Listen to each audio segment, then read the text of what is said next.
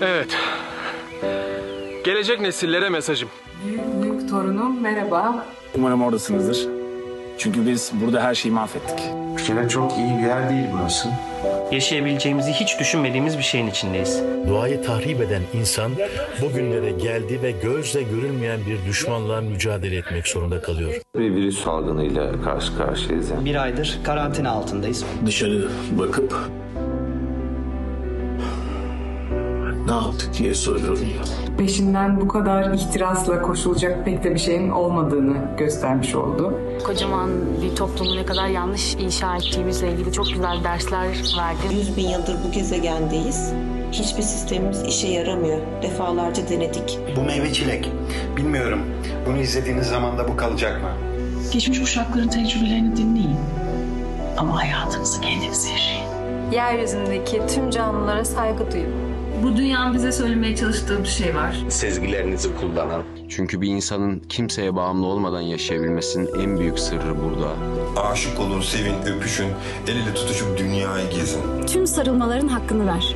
Öpücüklerin, vapur yolculuklarının, pikniklerin. Kimsenin aklına gelmemiş bir şey söyleyeceğim. Kitap okuyun. Hayatı dilediğiniz gibi yaşayın. Hırsların peşine kapılıp gitmeyin. Empati kurun. Empati çok önemli. Bilime inanın. Zamanınızı iyi harcayın. Bunun da tek yolu anı yaşayabilmek. Her yaşın kendi zorlukları olacaktır. Ee, o yüzden hata yapmaktan çekinmeyin. Daha çok deneyelim, daha çok yanılalım. İnsanlara, olaylara, durumlara Herkese, her şeye ama öncelikle kendine sevgiyle bakabilmen dileğimle. İyilik hep var. İnsanlar dil, din, ırk ve cinsiyetle ayrılmamalıdır. Herkesin dünyaya düşen meteorda eşit olduğunu görüyoruz. İnsan olabilmenin temelinde sorumluluk almak yatıyor. Paylaşın. Lütfen.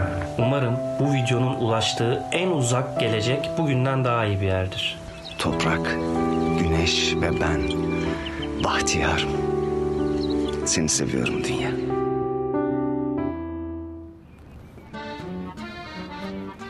Efendim günaydın. Çalar Saat hafta sonu başlıyor. Ben İlker Karagöz.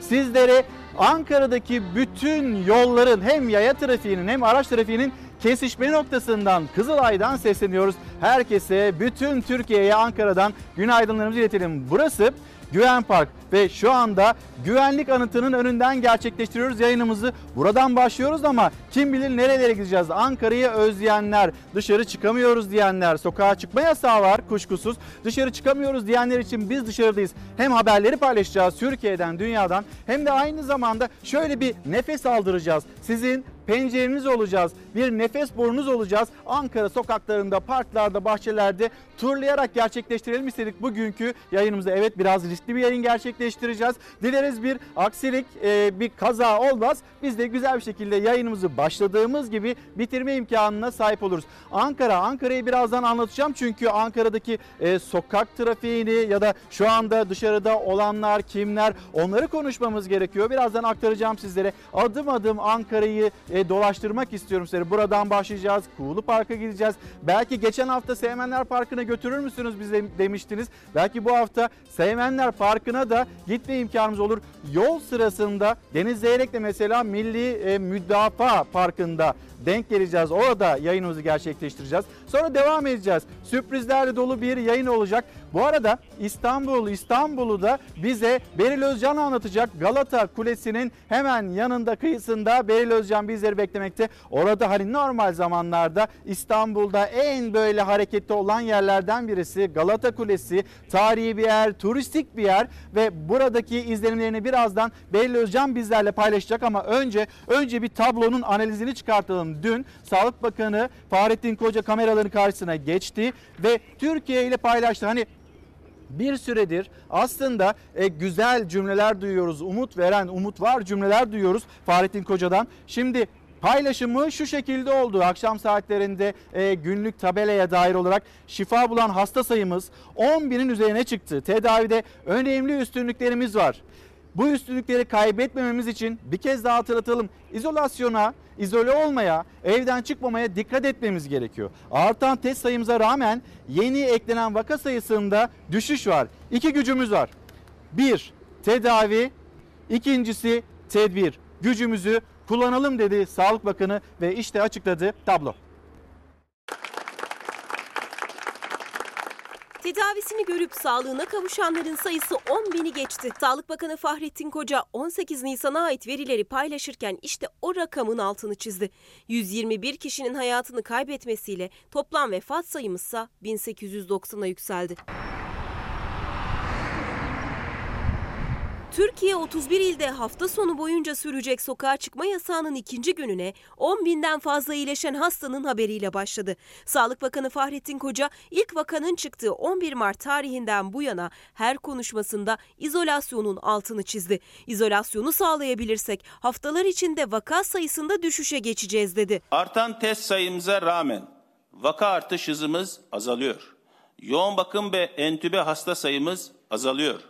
İyileşip taburcu olan hasta sayımız hızla artıyor. Önümüzdeki bir hafta 10 gün içerisinde pik noktasına erişebileceğimizi görüyoruz. Devamında 2 haftalık bir plato döneminin olacağını biliyoruz. Devamında 2-3 hafta içerisinde düşeceğini biliyoruz. Sağlık Bakanı Fahrettin Koca ikinci bir dalga olmazsa 6 haftalık bir süreçten de bahsetti.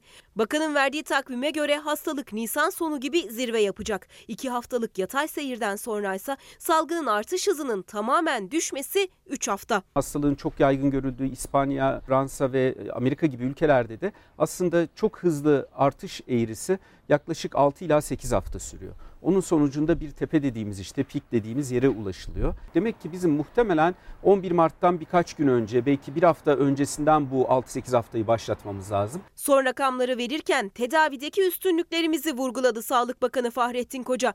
Test sayısı artarken vaka sayısında düşüş var müjdesini verdi tekrar. Şifa bulan hasta sayımız 10 binin üzerine çıktı.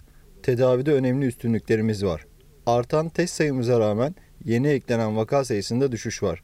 İki gücümüz var. Tedbir, tedavi. Gücümüzü kullanalım. Bir önceki güne göre daha fazla test yapıldı 18 Nisan tarihinde. Bakan Koca bir gün içinde 40.520 kişiye daha test uygulandığını duyurdu. Verilere göre Türkiye'de son 24 saatte vaka sayısı da 3.783 artarak 82.329 oldu. İyileşen hasta sayısı ise 1822 olarak gerçekleşti. Toplamda 10.453 oldu. Yoğun bakımda hasta sayısı 1894 olurken entübe edilen hasta sayısı ise 1054 olarak gerçekleşti. Koronavirüsü salgının ortaya çıkışından bugüne kadar tam 598.933 kişiye test yapıldı. Vaka sayısının da 82 bini aşması sonucu Türkiye'de virüs nedeniyle karantina altına alınanların sayısı İran'ı geçmiş oldu. Ankara'yı birazdan anlatacağım sizlere. Kızılay, Kızılay Meydanı, polisler, e, onların hani çalışmaları. Onları birazdan paylaşacağım sizinle ama önce hemen isterseniz şöyle bir gidelim. Galata Köprüsü'ne Beril Özcan bizi orada bekliyor. Beril Özcan anlatsın oradaki izlenimlerini paylaşsın bizimle. Beril günaydın. Burada sokaklar, caddeler işte kuşlara kaldı, sokak hayvanlarına kaldı. E, neredeyse yok denecek kadar e, araçlar hani belki onu söylememiz de gerekiyor. Polis araçlarını görüyoruz. Sağlık çalışanları var. İstisnası olan kişiler var bu e, sokağa çıkma yasağının. Onlar dışarıda başka hiç kimse yok. Sizin orada Galata Köprüsü'nde durum nedir?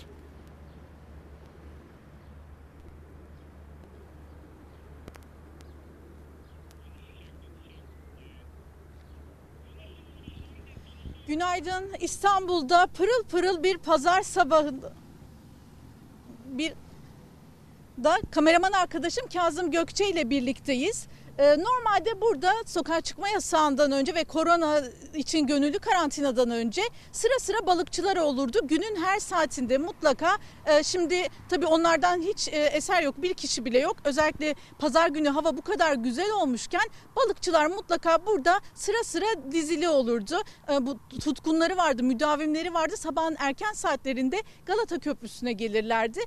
Ancak burada sabah ilk geldiğimde ben de gördüm. Birkaç gündür konuşuluyordu İstanbul'da. Galata Köprüsü'nün e, girişine kadar, Halic'in e, ağzına kadar Yunus sürüleri geldi. Sabah geldiğimde ben de gördüm. Şimdi bakıyorum kameraman arkadaşım Kazım Gökçe'den rica ediyorum. Bakalım yine Yunus sürüleri var mı? E, şehir hatları kısıtlı olarak devam ediyor.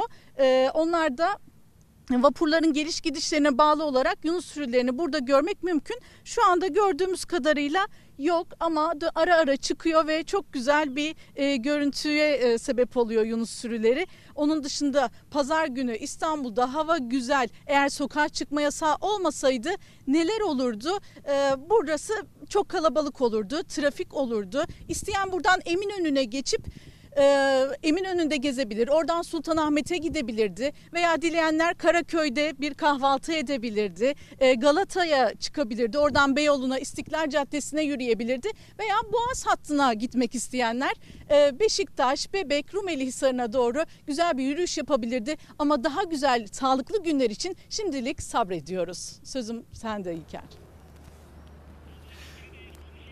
Beril çok teşekkürler. Şimdi Beril'in de anlattığı gibi aslında e, hem tabiata iyi geldi bu sokağa çıkma yasağı hem de rakamlara baktığımızda vaka sayısına baktığımızda Fahrettin Koca'nın açıklamalarına baktığımızda e, baktığımızda yani e, bu virüsle mücadelede hepimize iyi geldi. Ne yapmamız gerekiyor? Tedbir almamız gerekiyor. Tedbiri elden bırakmamamız gerekiyor. Evden dışarıya çıkmamamız gerekiyor. Bu arada sokak hayvanları var, kuşlar var. Hemen ben Fox kameramanı Berkcan'dan rica edeyim. İşte görüyorsunuz bir bekçimiz sokağa çıkma yasağı istisnası olan personelden birisi kuşkusuz bekçilerimiz, e, polis görevlilerimiz, gazeteciler. İşte e, o da elinde böyle kırıntılar, buradaki Güven Park'taki güvercinler, güvercinlerin karınlarını doyurmak için işte burada böyle kırıntılarını serpmekte. Şimdi yavaş yavaş aslında yürüyelim. Biz Güven Anıtı'nın hemen kenarından yavaş yavaş Kızılay'dan şöyle yukarıya doğru bakanlıklar mevkiine doğru yürüyüşe çıkalım. Size bir Kızılay'ı anlatalım bu arada. Sokaklarını gösterelim. Caddelerde araçlar var mı yok mu? Onları paylaşalım. Ama sizler de bu arada Yurt Korona e, haberini e, izleyiniz. Memleketten e, korona ile mücadele ile ilgili ya da alınan tedbirler, yasaklar, yasakların uygulanması ile ilgili o tedbirler nedir? Onları izleye durun.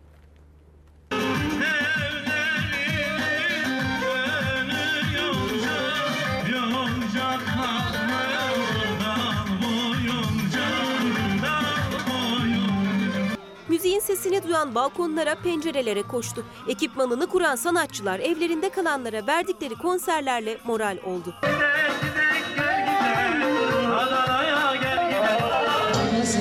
Çok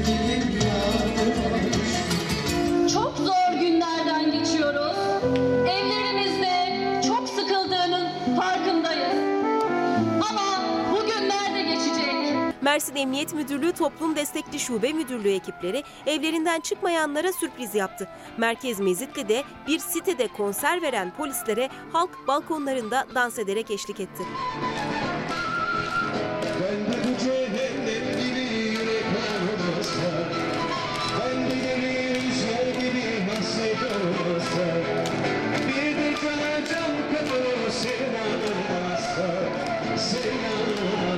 Yine Mersin'de bu kez akşam saatlerinde bir balkondan yükseldi müzik sesi.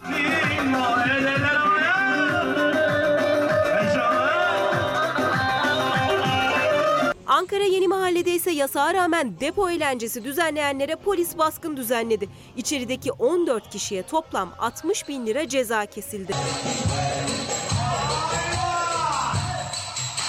Yurt dışında yaşayan Türk vatandaşlarının tahliyesi de devam etti. Yunanistan'da karantinaya alınan Türkler yurda döndü. Hollanda'dan gelenler Tokat'taki Kredi Yurtlar Kurumu yurduna yerleştirildi. 348 kişi 14 gün gözlem altında tutulacak. En önemlisi Ömer Halis'imi vatanına getirdim. Ömer Halis. Cezayir'den Türkiye'ye getirilen ve iki haftadır karantinada bulunan 320 kişi ise memleketlerine gönderildi. Çok güzel geçti. İyi baktılar. Sokağa çıkma yasağından muaf tutulan çiftçilerse tarlalarına koştu. Kimi tarlasını ekti, biçti, kimi de mahsulünü topladı. Antalya'dan İzmir'e, Adana'dan Rize'ye kadar birçok ilde fideler toprakla buluştu. Şu an tam tarım zamanı, ekim biçim zamanı. Bu haftada izin verildiği için çok iyi oldu. Atatürk Bulvarı'nı hemen sizlere bir gösterelim. Normal zamanda burada e, tabii ki hani pazar günleri pazar günleri istisna oluyor. Pazar günleri trafik daha sakin oluyor. Sadece Ankara'da değil, İstanbul'da değil. Türkiye'nin dört bir yanında aynı tabloyla karşı karşıya kalıyorsunuz. Ve bugün sokağa çıkma yasağı var. Sokağa çıkma yasağı nedeniyle işte çok az sayıda kişinin dışarıya çıkmak durumunda olduğunu söylememiz gerekiyor. Otobüs duraklarını hemen göstereyim sizlere. Kamu personeli var şu anda otobüs duraklarında. Bekçilerimiz var mesela. Şu anda bir benzin istasyonuna e, gitmek için bekleyen abimiz var. Kendisine yaklaşayım. Günaydın. Nasılsınız? Sosyal mesafeyi Evet, korumaya aynen. çalışıyorsunuz. Öyle zannediyorum. Şimdi benzinliğe gidiyorsunuz. Görevliydiniz. eve Nöbet gidiyorum. bitti eve Eve gidiyorsunuz. Peki hani beklerken bir sıkıntı yani ne kadar süredir bekliyorsunuz? Vallahi 15 dakikada bekliyoruz. 15 dakikadır. İnşallah çok fazla da beklemezsiniz. Siz e, sağlık çalışanı mısınız? Efendim? Hemşiresiniz. Sağ olun. Teşekkürler. İyi ki varsınız. Siz de mi nöbetten çıktınız? Nöbetten çıktınız gidiyorsunuz. Evet bu arada otobüs geldi şu anda. Hemşirelerimiz de iyi ki varlar. İyi ki varlar. Onlarla biz bu mücadeleyi yürütüyoruz. Ee, aslında aynı zamanda polislerimiz var, bekçilerimiz var. İşte benzin istasyonunda görevini tamamlamış olan bir abimiz o da yavaş yavaş evine doğru gidiyor. Ankara'da toplu taşıma bu şekilde e, çalışıyor. Şimdi bir sağlık çalışanımız, sağlık çalışanımıza teşekkür ederken biz sizi Zong- Zonguldak'a götürelim. Bunu birazdan Deniz Zeyrek'le konuşacağız. Zonguldak valisi ve Zonguldak valisinin sağlık çalışanları ile ilgili kurduğu cümleler. Bir konuşalım istiyoruz. Haberi izleyelim. Dönüşte lütfen birlikte konuşalım. Lütfen bu haberi izleyelim ve birlikte konuşalım. Sağlıkçılarımız hastalarla diyaloglarında kendilerini korudular. Birbirlerinin diyaloglarında kendilerini korumadılar. Bugün en yüksek perdeden bütün yetkili arkadaşlarımızı uyardık. Bu bizim faturamızı ağırlaştıran bir olay oldu. Haftalardır koronavirüse karşı canlarını içe sayarak mücadele eden sağlık çalışanları ile ilgili kurdu bu cümleleri Zonguldak Valisi Erdoğan Bektaş. Sağlık çalışanlarının koronavirüse yakalanarak valiliğe yük olduğunu söyledi. Sağlıkçılarımızın bize getirdiği yük olmasaydı belki de biz bugün geri dönüşü konuşuyor olacaktık. Sağlık çalışanları en önde salgınla mücadele ederken onları koruma sorumluluğu olanlar bunu bir yük olarak göremez. Sağlık çalışanlarını koruyamayan toplumu hiç koruyamaz. Gerçekten 1 milyon 100 bin sağlık çalışanlarımızın büyük özverisi var. Esas en büyük kahramanlar onlar. Sağlık Bakanı koronavirüsle mücadelede sağlık çalışanlarının özverisine vurgu yaparken Cumhurbaşkanı Erdoğan sağlıkçılara alkışlarla destek verirken sokağa çıkma yasağı uygulanan illerden olan Zonguldak'ın valisi dikkat çekici açıklamalar yaptı. Gerçekten ifade etmekte de zorlanıyorum. Bizim bütün rakamımız 567 iken maalesef 137 tane sağlıkçımız var. Sağlıkçılarımız kendilerini koruyamadılar. Vali Erdoğan Bektaş'a göre Zonguldak'ta 137 sağlık çalışanının koronavirüse yakalanması kendi tedbirsizlikleri. Halbuki bütün tedbirleri aldık, yemeklerini dahi verdik ama bizi sıkıntıya soktular dedi vali. Sağlıkçılarımızı biz misafirhanelerde misafir ettik. Devletimiz oturdu düşündü onlardan ücret de almadı. Yemeklerinden de ücret almadı. Servisleri sağlamaya çalıştık. Ama orada kendi aralarında ki ilişkilerinde yeteri kadar dikkatli olmadıkları için hem kendilerini sıkıntıya soktular hem bizi sıkıntıya soktular. Zonguldak'ta zamanında hasta verilerini açıklamayan, nitelikli ekipmanı ve uzman hekim desteğini sağlamayan, koordinasyonu iyi yapmayan, sağlıkçılara gerektiğinde yaygın test uygulamayanların hiçbir kabahati yok. Hastalanıp Covid-19 tedavisi gören sağlık çalışanları suçlu. Öyle mi? Türk Tabipler Birliği Zonguldak Valisi'nin sağlık çalışanlarına hedef alan sözlerine tepki gösterdi. Sağlık Bakanı ve Cumhurbaşkanı Erdoğan'ı göreve çağırdı. Normalde sağlıkçılarımızın bize getirdiği yük olmasaydı belki de biz bugün geri dönüşü konuşuyor olacaktık. Bu da gerçekten zor oldu. Zonguldak valisini salgın mücadelesinde kabahatli aramayı bırakıp sağlık çalışanlarından özür dilemeye, Sağlık Bakanı ve Cumhurbaşkanı'nı üzerine düşeni yapmaya davet ediyoruz. Zonguldak valisi yeni açıklama yaptı. Sağlık çalışanlarından özür diledi ama sağlıkçıların kendilerini koruyamadığı iddiasını yineledi. Sağlık çalışanlarımızın özellikle son dönemde kendilerini koruyamamaları nedeniyle tabloda istenen iyileşmenin sağlanamamasıyla yaşanan hayal kırıklığı maalesef sözlerimize yansımıştır. Her şeye rağmen bu sıkıntılı günlerde sağlık çalışanlarımızın üzülmesine sebep olmuşsak kendilerinden açık yüreklilikle özür diliyorum. Gözler Türk Tabipler Birliği'nin gereğini yapın diye seslendi. Sağlık Bakanı Fahrettin Koca ve Cumhurbaşkanı Erdoğan'da.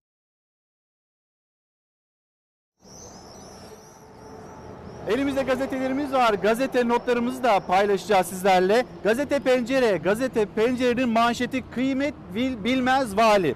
nüfusuna oranla koronavirüs salgınından en çok etkilenen Zonguldak'ta vali sorumluluğu olarak sağlık çalışanlarını gösterdi. Vali Erdoğan Bektaş her türlü tedbiri aldıklarını, hatta ücret almadan sağlık çalışanlarını misafir ettiklerini, ücret almadan sağlık çalışanlarını misafir ettiklerini, yemeklerini bile verdiklerini ama onların kendilerini aralarındaki ilişkiden dolayı koruyamadıklarını söyledi. Valiye göre bu Zonguldak'taki faturayı da ağırlaştırdı. Yani sağlık çalışanları sağlık çalışanlarına da bulaştırdı. Burada bir hata varsa Zonguldak'ta böyle koronavirüs nedeniyle vaka sayısında bir artış varsa bunun sorumlusu sağlık çalışanlarıdır dedi. Az önce durakta bekleyen bir e, arkadaşımız vardı nöbetini bitirmiş evine gitmeye çalışıyor. Ya da işte o koronavirüs nedeniyle yoğun bakımlarda yani tam da muharebe alanında, savaş meydanında, o cephede mücadele veren sağlıkçılarımız. Böyle bir dönemde, böyle bir süreçte bir valinin bu cümleleri kuruyor olması ne kadar doğru, ne kadar yerinde bunu bir kere konuşmamız gerekiyor. Her türlü ihtiyaçlarını veriyoruz. Kalacak yer bile ayarlıyoruz denilmiş Sayın Vali tarafından. Bir Posta Gazetesi'ne Hüseyin sana zahmet Posta Gazetesi'ne döner misin? Posta Gazetesi'nin hemen manşetini paylaşalım sizlerle. Yine bir sağlıkçıdan bahsedeceğiz ama evladını göremeyen bir sağlıkçıdan. 7 yaşındaki 7 yaşındaki evladının doğum günü işte o Posta Gazetesi manşetindeki haber. İyi ki doğdun. Erzurum'da çalışan hemşire Zeliha Özdemir, Kahramanmaraş'ta kalan 7 yaşındaki oğlu Kayra'nın doğum gününe katılamadı. Koronavirüsle savaşta görevli hemşire emniyeti aradı. Bu değerli dileği kırmayan polis pasta alıp Kayra'ya sürpriz yaptı. Gözyaşlarına boğulan hemşire Zeliha e, adına biz de Kayra'ya annem bir savaşçı elbet kavuşacaksınız diyerek yeni yaşını kutluyoruz iyi ki doğdun demekte Posta Gazetesi. Şimdi evladının doğum gününü göremiyor. 25 gün boyunca işte dün paylaştık unutuluyor. O kadar garip garip olaylar oluyor ki siyaset başka başka yerlere savruluyor ki sağlıkçıların bu mücadelesi bir hemşire çocuğu olarak söylüyorum. Sağlıkçıların o mücadelesinin nasıl yürütüldüğünü biliyorum. Tabii böyle bir salgına denk gelmedim ama bir hemşire çocuğu olarak hastane koridorlarında büyümüş birisiyim. Sağlıkçılara bu cümlelerin kuruluyor olması sizce hakkaniyetli mi? Ne düşünüyorsunuz? Bir de yine bir e, sendika temsilcisi Önder Kahveci mesela. Önder Kahveci de çok, çok sert cümlelerle e, Sayın Vali'yi uyarıyor. Diyor ki Sayın Vali'ye hatırlatırım sadece Zonguldak'ta değil yurdun dört bir yanında sağlık çalışanları misafirhanelerdeler ve ağırlanmak için değil kendilerinden vazgeçip aile ve yakın çevresine virüs bulaşmasın diye bulaşmasın diye orada kalıyorlar. Evlatlarını görmüyorlar. Evlatlarını görmüyorlar. Sağlık çalışanları birbirlerine bulaştırdı. Tabloyu bu hale getirdiler. Belki burada Zonguldak, Zonguldak e, yerel gazetesi Pusula gazetesiydi. Öyle zannediyorum yanılmıyorsam. Onları da tebrik etmek gerekiyor. O basın toplantısından bu cümleleri çıkardı ve Türkiye, Türkiye bir valinin sağlık çalışanlarına yönelik olarak düşüncelerini görmüş oldu. Gelelim tekrar bir gazete pencereye geri dönelim. Gazete penceredeki diğer haber o da e, kısıtlamalar vardı biliyorsunuz 30 büyük şehir ve aynı zamanda Zonguldak ili bu e, illere yönelik olarak kısıtlamaların uzadığını yine aktarmış oldum. Büyükşehir yasağı 15 gün uzadı. 30 büyükşehir ve Zonguldak giriş çıkışlar için konulan yasak 3 Mayıs'a kadar uyarmış olalım. 3 Mayıs'a kadar uzatıldı.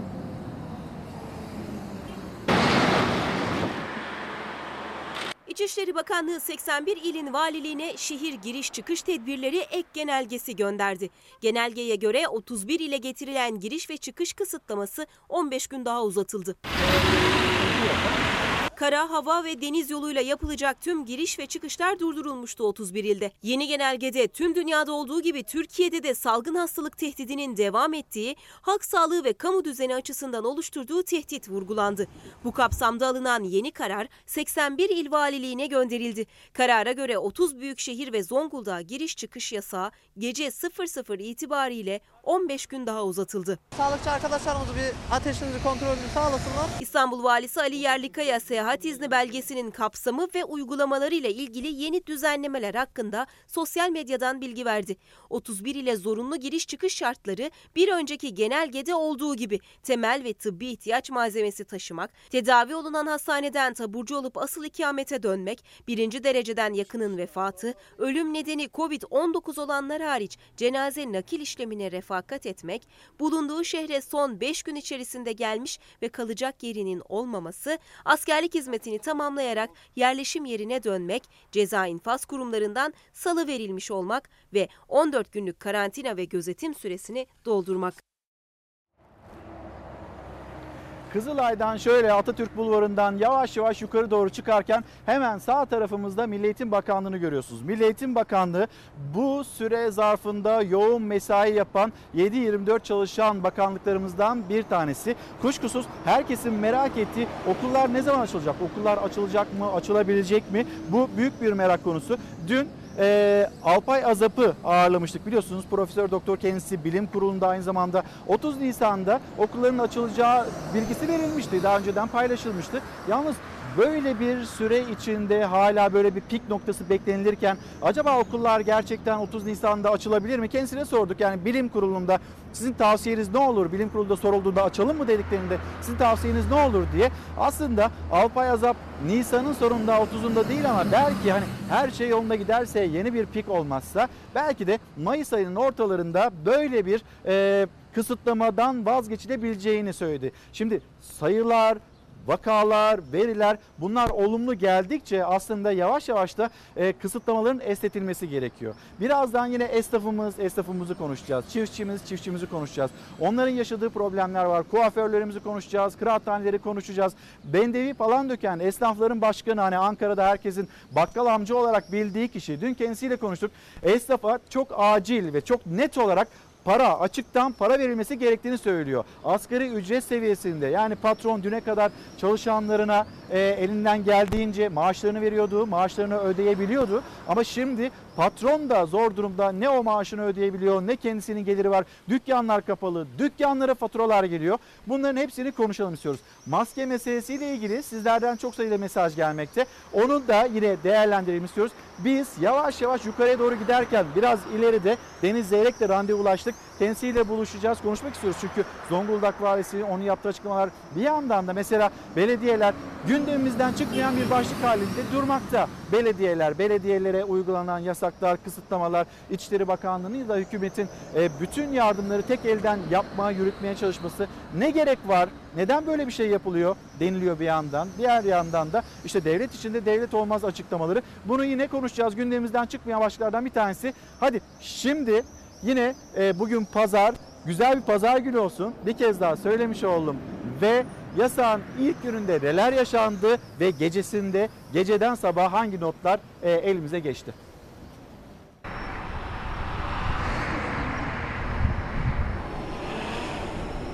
Caddeler, sokaklar, meydanlar, sahiller bomboştu. 30 büyük şehir ve Zonguldak'ta 48 saatlik sokağa çıkma yasağı ikinci kez uygulandı. 31 ilde vatandaş evdeydi çoğunlukla. Ama evde mangal yakmaya çalışan da oldu. Yasağı ihlal edip ceza yiyen de. İstanbul'da yapılmakta olan pandemi hastanelerini Cumhurbaşkanı Recep Tayyip Erdoğan havadan Sağlık Bakanı Fahrettin Koca ise ziyaret ederek inceledi. 63 milyon 640 bin kişiyi kapsayan yasağın ilk gününde sessizlik hakimdi. Sadece zorunlu olarak dışarı çıkması gerekenler sokaktaydı. Denetimler gece gündüz sürdü. Trabzon 6399. Nöbetten çıktım. Çok yoğun bir nöbetti. Halkımız bilinçli şu an. Gerçekten sokaklarda kimseler yok. Ben de nöbet çıkışı evime gidiyorum. Yani zorunlu olduğunuz Evet. Burası Şirin Evler üst geçti. Salgından önce İstanbul'un en kalabalık noktalarından biriydi. Hem yaya trafiği hem araç trafiği oldukça yoğundu bu noktada. Ama sokağa çıkma yasayla beraber bomboş kaldı. Sadece görevli olanlar ve yasaktan muaf olanlar dışarıda. Şu anda yeni çıktım. Ben de garip hissediyorum evet. Biraz sakin bir şehir şu anda çok sakin. Biz de elektrik işinde çalıştığımız için gitmek zorundayız. Tabii elektrik arızaları oluyor. Ne bir hafta önceki sosyal mesafenin unutulduğu bu kalabalık vardı ne de cuma günü yaşanan trafik yoğunluğu. Denetimler hız kesmedi. Kahvehanelere baskınlar yapıldı. Polis kontrol noktaları oluşturuldu. Sokağa çıkanlara kimlik sordu. Araçlar da tek tek durduruldu. Ekmek almak için çıktım hocam. Her ne kadar sebebi zaruri de olsa arkadaşlar görevini yapmak durumunda. İstanbul Valisi Ali Yerlikaya gece sosyal medya hesabından tam 1405 kişiye idari işlem yapıldığını duyurdu. 3 milyon 239 bin 15 lira para cezası kesildi yasağın ilk gününde. Jandarma da tam 131 kişiye ceza kesti. Fırıncılar, gazete dağıtanlar, polisler, sağlıkçılar çalışmaya ara vermedi. İstanbul Beylikdüzü'nde yasak nedeniyle evden çıkamayan bir aile çatıda mangal keyfi yapmak isteyince yangın çıktı. Kısa sürede büyüyen yangında aile çatıda mahsur kaldı. İtfaiye ekipleri yangını kısa sürede müdahale etti. Facianın ucundan dönüldü. Cumhurbaşkanı Recep Tayyip Erdoğan, Sancaktepe ve Atatürk Havalimanı'nda yapımı devam eden hastanelerle Başakşehir İki Telli Şehir Hastanesi'ni havadan inceledi. Sağlık Bakanı Fahrettin Koca da Hadımköy'de bulunan ve koronavirüs hastalarına hizmet verecek tarihi Hadımköy Askeri Hastanesi'ndeki çalışmaları inceledi.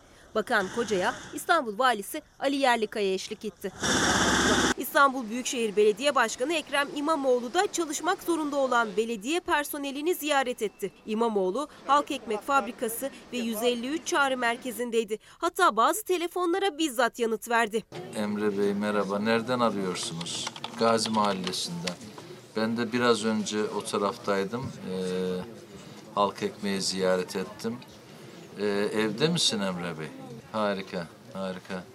Ee, kaç kişiyiz evde? Kimler var? İstanbul'da temizlik çalışmaları tüm gün, denetimlerse gece boyu devam etti.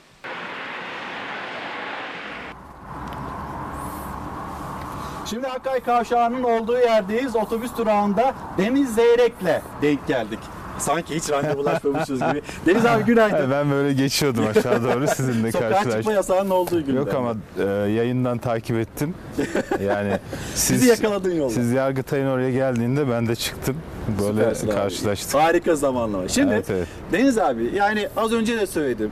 Bu hani yasaklar, kısıtlamalar gündemimizden çıkmıyor. Mesela Mersin Belediyesi ekmek dağıtıyordu. Ekmek dağıtması yasaklandı. Önceye döndüğümüzde e, Muratpaşa Belediyesi, e, Eskişehir Belediyesi aşevleri vardı. Aşevlerinin işte hesapları blok Gazete dağıtmalarını yasakladılar. ya. Yani evet. Sadece Şimdi hani bu gündemimizden çıkmıyor. Benzer bir olay Kadıköy'de oldu. Şimdi bir haberimiz var. Onu paylaşalım. Kadıköy'den bir haberimiz var. Nedir o haber? Kadıköy'de ne oldu? Nasıl bir kısıtlama, yasaklama geldi? Onu izleyelim, üzerine konuşalım.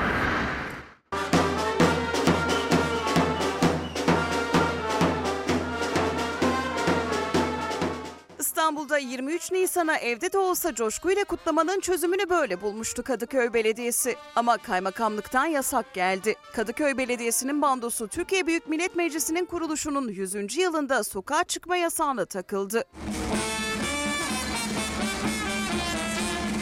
23 Nisan Ulusal Egemenlik ve Çocuk Bayramı kutlamaları Türkiye genelinde salgın nedeniyle iptal edildi. Evlerimizin balkonundan kutlayalım çağrısı yapıldı. Kadıköy Belediyesi ise hem sokağa çıkma yasağı nedeniyle evlerinde olanlara moral olmak hem de kutlamalar için bando takımı oluşturdu. 31 ildeki sokağa çıkma yasağının ilk gününde faaliyetlerine başladı bando takımı. Sokak sokak gezdi, Kadıköylülere moral oldu. Ama çok geçmeden kaymakamlığın engeline takıldı. Mülki idarenin bu kararı hangi refleksle aldığı bizce malum. Ama bu zor günlerde birazcık da olsa yüzlerini güldürmeyi başardığımız çocuklara ve Kadıköy halkına nasıl bir gerekçe sunacaklarını merak etmekteyiz. Resmi rakamlara önceden bilgi verdiklerini belirten Kadıköy Belediye Başkanı Şerdil Dara Odabaşı, kaymakamlığın Kadıköylülere bir açıklama borçlu olduğunun altını çizdi. Kadıköy Belediye Başkanı kaymakamlıktan bir yanıt bekliyor. Kadıköylülere bir açıklama borçlu demekte. Ne Evet. dersiniz? Valla dün bu meseleyi ben de sosyal medyada paylaştım. Ondan sonra da birkaç görüşme yaptım. Anladığım kadarıyla Kadıköy Kaymakamı e, şifai olarak izin verdiklerini söylemiş. Sonra valilik müdahale etmiş ve e, valiliğin müdahalesinden sonra yasağa dönüşmüş. Ama şurada önemli olan şey şu. e, şunu karıştırıyorlar. Bu güvenlik amaçlı bir sıkı yönetim şeyi değil. Sıkı, yani sokağa çıkma yasağı güvenlik amaçlı bir so- sokağa çıkma yasağı değil. Burada amaç insanların hafta sonu bu güneşten işte güzel havadan faydalanıp izolasyon kurallarını ihlal etmesini önlemek. O Doğru. nedenle insanlar eve yani güvenlik riski falan olduğu için değil. Dolayısıyla yani 3 tane otobüsün üstünde 3 bandonun çıkıp mahalle aralarında insanlara şarkı söylemesi, marş söylemesi 23 Nisan geliyor yani. Niye böyle bir e, şeye dönüştürüldü ben anlamadım. Niye yasaklandı? Yani Mersin polisinin yaptığını işte biraz önce haberlerde verdiniz. E, Mersin polisi gidip sitede yapıyor, konser veriyor. Vatandaş balkonunda yapıyor.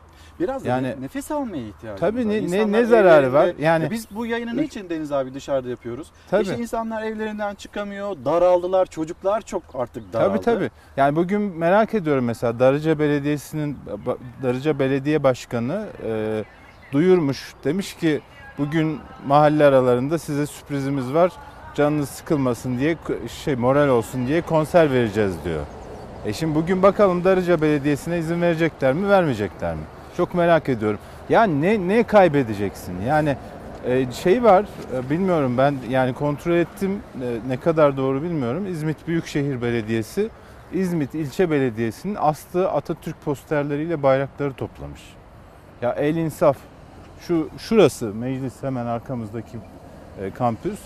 E, 100. yıl dönümü ya. 100 yıl önce bu Gazi Meclisi kurulmuş ve gerçekten bir mücadele vermiş, Kurtuluş Savaşı vermiş ve bu, bu ülkenin temellerini bu meclis atmış. Bu meclis 100 yaşına girdi ve 100. yılında bu tür etkinliklere niye karşı çıkıyorsunuz? Yani burada sorununuz nedir sizin? Atatürk resminden ne istiyorsun? Bayraktan ne istiyorsun? Bu bayrak hepimizin bayrağı değil mi? Ya illa siz mi asacaksınız? Yani İzmit eğer gerçekten İzmit, İzmit, İzmit Büyükşehir Belediyesi CHP'li bir belediye astı diye o Atatürk posterlerini ve bayrakları topladıysa yazıklar olsun.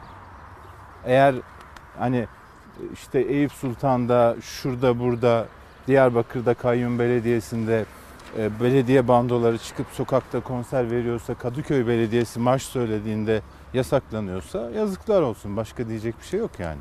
Deniz abi, e, Cumhuriyet yani meclisin kuruluşunun 100. yıl dönümü.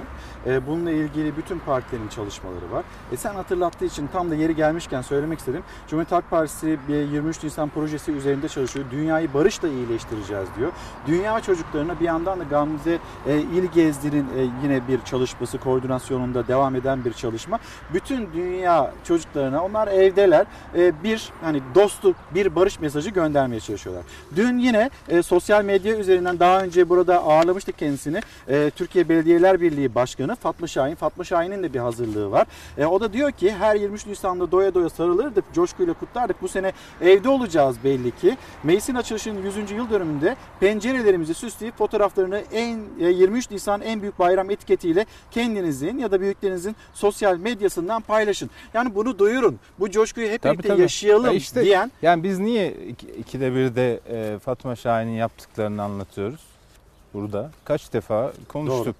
E, çünkü bir şeyler yapıyor yani insanların o hani süreç kutuplaşma süreci değil. Tabii tabii. Siyaset üstü tabii. bir süreç ya ben e, diyor. meclis başkanıyla biraz sohbet ettim. e, Mustafa Şentop'la. E, meclis de çok ciddi bir hazırlık yapmış. 147 etkinlik düzenlenmiş. Yani mesela o etkinliklerden sadece bir tanesi her yıl için bir video. 100 tane video. Yani hazırlanmış büyük ihtimalle de hani bu sosyal mesafe işinde sorun olmayacağı için e, paylaşılacak. Yani sırayla onu işte sosyal medyadan, e, normal televizyon kanallarından vesaire paylaşacaklar. Ama meclis de bunun hazırlığını yapmış. Yani meclis de büyük ihtimalle Temmuz ayında, Ağustos'ta bu ay yapması gereken şeyleri, kutlamaları o tarihlerde yapacak. Biraz gecikmeli yapacak ama bu çok önemli bir şey ya. Bizim temelimiz var. Biz eğer hani olmasaydı burası Türkiye Büyük Millet Meclisi olmazdık. Bu kadar açık ve net. Dolayısıyla bunun 100. yılını, 100. yaşını, 100 önemlidir yani. 100. yaşını kutlamayacaksak e, yazıklar olsun bize. Yani onun için ben çok önemsiyorum. Ya bırakın insanlar çıksınlar, belediyedekileri kastediyorum. Yani hangi belediye olursa olsun, ister MHP'li olsun, ister AK Partili olsun, ister CHP'li olsun, ister İyi Partili olsun. Bu coşkuyu yaşasınlar, insanlara da yaşatsınlar. Kimseye bir zararı olmaz. Yani bir kez daha altını çizerek söylüyorum. Bu sokağa çıkma yasağı geçmişte darbe dönemlerinden ya da PKK terörüyle mücadele ederken ilan edilen güvenlik amaçlı sokağa, yasa, sokağa çıkma yasağı değil. Bu sokağa çıkma yasağı sosyal mesafeyi korumak için e, alınmış bir karar. Yani insanlar bu e, koronavirüsünü birbirine bulaştırmasın diye biraz dişini sıksın isteniyor. Bir- Biraz işte evlerinde otursun isteniyor. Olay budur yani. Deniz abi hemen Sözcü Gazetesi. Sözcü Gazetesi'nin manşetini de e, zaten siz, siz okumuşsunuzdur da izleyicilerimizle paylaşmış olayım. CHP lideri Kemal Kılıçdaroğlu iktidarın tavrını eleştirdi. Bağışları önleyerek suç işliyorlar. Mansur Yavaş ve Ekrem İmamoğlu'na açılan soruşturmaların yasal dayanağı olmadığını söyleyen CHP lideri şöyle konuştu. İktidar seçimde CHP'li adayları seçerseniz yoksullara yapılan yardımı kesecekler diyordu. Ancak başkanlarımız bırakın kesmeyi yardımları arttırdı Erdoğan'ın sözlerini tuzla buz etti. Bu durum Erdoğan'ın ezberini bozdu. Kılıçdaroğlu'nun açıklamaları. İşte bu yüzden CHP'li belediyelerin partiye ayrımı gözetmeksizin yaptıkları yardımı engellemeye çalışıyorlar. Getirdikleri bu yasağın altyapısı yok. Bağış toplanmasını önleyerek açıkçası suç işliyorlar. Belediye kanununda bağış toplamayla ilgili bir e, mevzuat var diye biliyorum ben. Tabii tabii, soruşturma kampanya için izin almak gerekiyor. Müfettişler de bunu değerlendirecek, inceleyecekler. Tabii hangi belediye aşevi kurmak için izin aldı geçmişte? Yani e, kampanya yapması izne bağlı olabilir. Yani şöyle bir kampanya yapacağım dediğinde izin almak zorunda olabilir ama belediyelere bağış yapılır. Yasada böyle bir durum var. Sen ben şöyle bir binam var bunu belediyeye bağış yapmak istiyorum dediğin zaman gidip İçişleri Bakanlığı'ndan izin alman gerekmiyor. O binayı belediyeye bağış ede, bağışlayabilirsin. Ya da paran vardır onu bağışlayabilirsin ama şartlı bağış da yaparsın. Şurada kullanılmak şartıyla dersin. Aşevinde işte yemek dağıtılması şartıyla dersin. Ya da binayı verirsin kültür merkezi olmak şartıyla dersin. E verirsin yani bunun önünde bir engel yok ki. Deniz abi dün konuştuk. Size çok sayıda mesaj geldi. Evet. Zonguldak meselesi. Birkaç cümleyle hani Zonguldak valisi, Zonguldak valisinin sağlıkçılarla ilgili söylediği e, sözler. Yemeklerini veriyoruz, kalacak yer ayarlıyoruz. E o Ya insanlar ben- evlerine gitmiyor. Ben yayında e, yani mesajlardan söyledim dün. E, haberi görmemiştim doğrusunu istersen. Sadece çok sayıda e, sağlık çalışanı Zonguldak'tan bizi üzdü diye mesaj atmışlardı. Onları aktardım. Sonra indim, konuşmayı dinledim yayından sonra. E, gerçekten üzüldüm. Yani bir e, mülki idare amirinin kendisine bağlı, kendi görev alanı içinde çalışan e, emekçilere böyle bakması çok sakıncalı. Yani diyor ki sağlıkçılar diyor her şeyi paraya taparlar diyor. Yani adeta onu diyor adam yani Ba- başka bir şey yok. E, kendi aralarındaki mesafeyi koru. Ya hangi koşullarda çalışıyorlar? İşte Ben takip ro- edebildiğim kadarıyla polis evinde galiba kalıyorlar. Polis evinde yani kaç tane sağlıkçı e, kalıyor. Aynı zamanda yemeklerini veriyoruz denilmiş ama e, yine o yemekler de aslında çalıştıkları hastaneden geliyormuş galiba. Takip edebildiğim kadarıyla. Yine e, bilgiler bu yönde ya da iddialar bu yönde. Ya bunun bir önemi yok. Tabii, Nereden tabii. geldiğinin hiç önemi yok. Ama şu veriyoruz anda diyor, şu anda sa- Sağlık diyor. Bakanı çıkıp göğsünü gere gere biz başardık diyor mu? Neye dayanarak diyor bunu? Daha erken e, taburcu ediyoruz, daha çabuk Kimin tedavi. sayesinde diyor? Kimin sayesinde diyor? Ya biraz e, hakikaten vicdanlı olalım yani. Vali Bey mi iyileştiriyor o kadar hastayı? Ya işte BBC'nin şeyinde izledik. E, galiba Reuters mı girmiş? Bir, bir- yani yabancı bir ajans. Cerrahpaşa'da BBC'de Reuters'ta. Ce- Cerrahpaşa'da bir gün geçirmiş. O hemşirelerin halini gördün mü sen? Maskeyi Ma- çıkarttığında yüzlerindeki, Yüzündeki o o maskenin üstündeki o Buhar. maskeyi kapatan buhar, sırtındaki ter, alnındaki ter. Yani bu mudur? Senin buna teşekkür etme yöntemin bu mudur? Yani gerçekten vicdanen insan üzülüyor ve meseleyi paraya indirgemeleri de çok yanlış. Ya gerçekten emeğinin karşılığını zaten vermiyorsun. Zaten olağanüstü dün sen senin sesin vardı VTR'de. Ben yazdım. Ee, yani o Ben yazdım o çünkü çocuğun- gündem içinde kaybolup gidiyor. o çocuğun- İki tane çocuk hıçkıra hıçkıra ağlıyor. Annesi Annesiyle diyor iki sarılamıyor. Biraz sonra- daha yanımda kal diyor. İşte Kokunu alayım Ha, diyor. işte bu- Sen şimdi o çalışana, sağlık çalışana diyorsun ki yemeğini ben veriyorum. Dikkat etmiyorsunuz kendinize. Ondan Evet. sonra da hasta oluyorsunuz. Sa- sağlık- Yarın öbür gün bana burada vaka niye arttı derlerse ben bunun hesabını senden İşte, sorarım. Yani bu e, mu? Ben Zonguldak'ta vaka artışının biraz da kendilerinden kaynaklandığını buna psikolojide yansıtma diyorlar. Eğer Zonguldak ili bugün oran olarak İstanbul'dan daha kötüyse vaka sayısı ve ölüm sayısında Evet. Burada oranın yöneticileri sorumludur. Sağlık çalışanları değil. Bu kadar basit. Deniz abi açık havaya çıktık. Evet. Biraz gergin gergin konuştuk. Neyse şimdi güzel bir konser. Bodrum'a gideceğiz. Birazdan Ahmet Aras'ı e, alacağız. Misafir alacağız. Ama Bodrum'a gitmeden önce Bodrum'un işte temizlik görevlilerinin kurduğu bir bando ve Kör Olasın Korona şarkısı.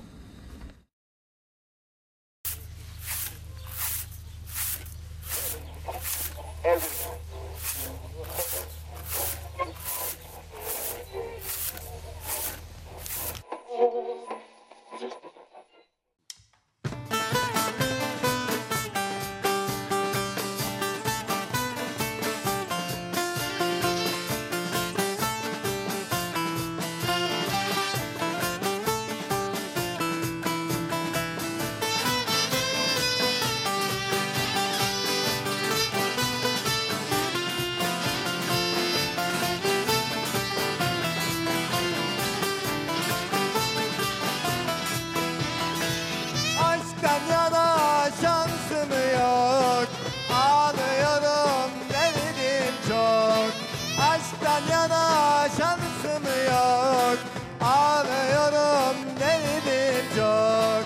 Aşkımı kaybetmişim.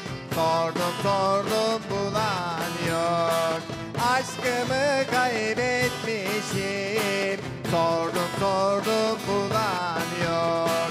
Dün gece çok ağladım. Aradım bulamadım. Sağ olsun şu çöpçüler.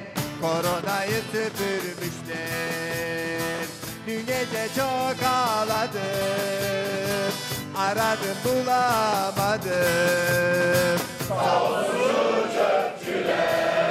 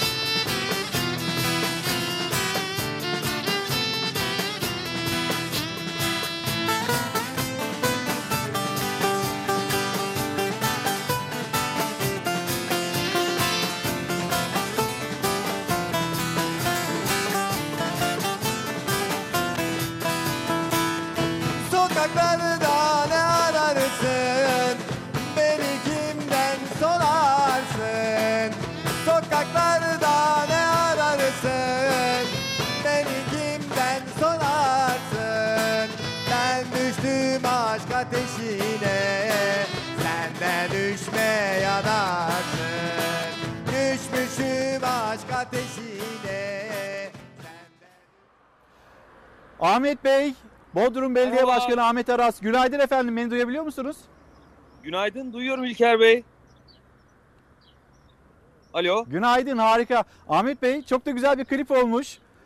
Teşekkür ederim İlker Bey. Arkadaşlarım sağ olsunlar. Hem çalışıyorlar hem de e, en azından halkımızın yüzünü güldürmek için de e, bir şeyler yapıyorlar, bir şeyler düşünüyorlar sağ olsunlar. Çok güzel oldu. Ben de çok sevdim İlker Bey.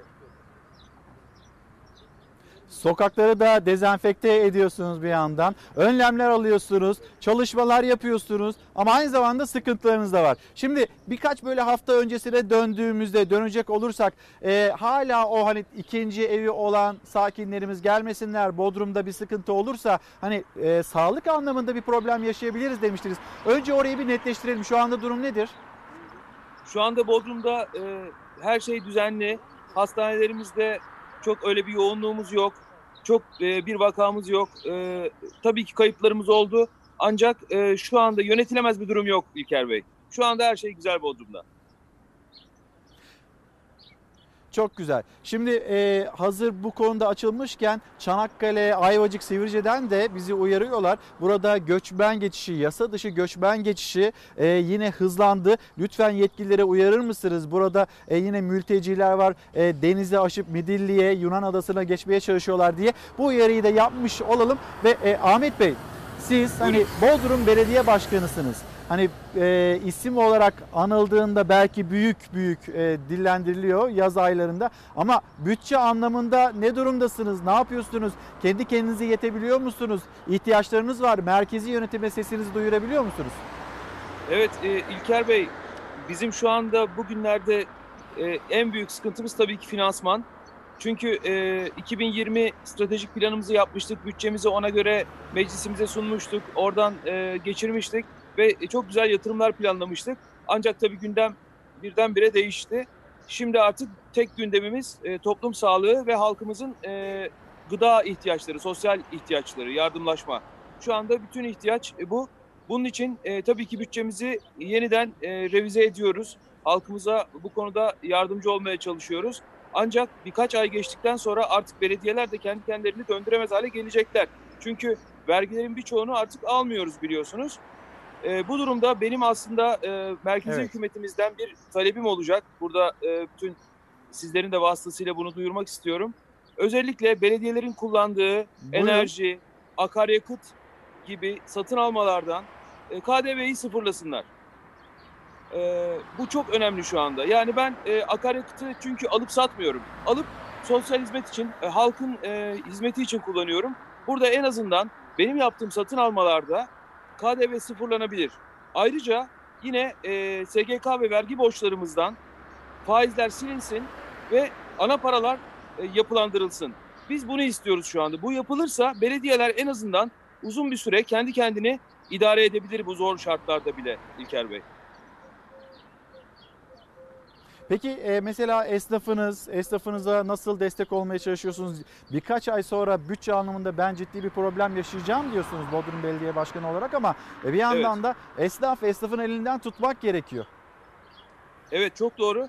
Biz e, aldığımız önlemlerle esnafımızdan alacağımız olan ilan reklam vergilerini, kiraları, ecri misilleri zaten e, almıyoruz şu anda İlker Bey. Hatta katı atık vergilerini de, katı atık e, bedellerini de biliyorsunuz iptal ettik zaten. E, büyük şehrimizde yine e, su faturalarını göndermiyor. Böylece esnafımız en azından e, bizim tarafımızdan, yerel yönetimler tarafından e, kendilerine gönderilen faturalardan kurtulmuş oldular. E, aynı, aynı zamanda tabii ki merkezi hükümet de bazı önlemler aldı. Ama e, ben özellikle buradan e, esnaflarımız hele Bodrum gibi bir eğlence merkezinde, bütün hizmet sektöründe yoğun olduğu bir yerde, turizm bölgesinde kapanan esnaflarımıza e, daha büyük hatta e, daha uzun vadeli belki geri ödemesiz e, hibeler, krediler verilmesi gerektiğini düşünüyorum. Onları ayakta tutmamız lazım İlker Bey.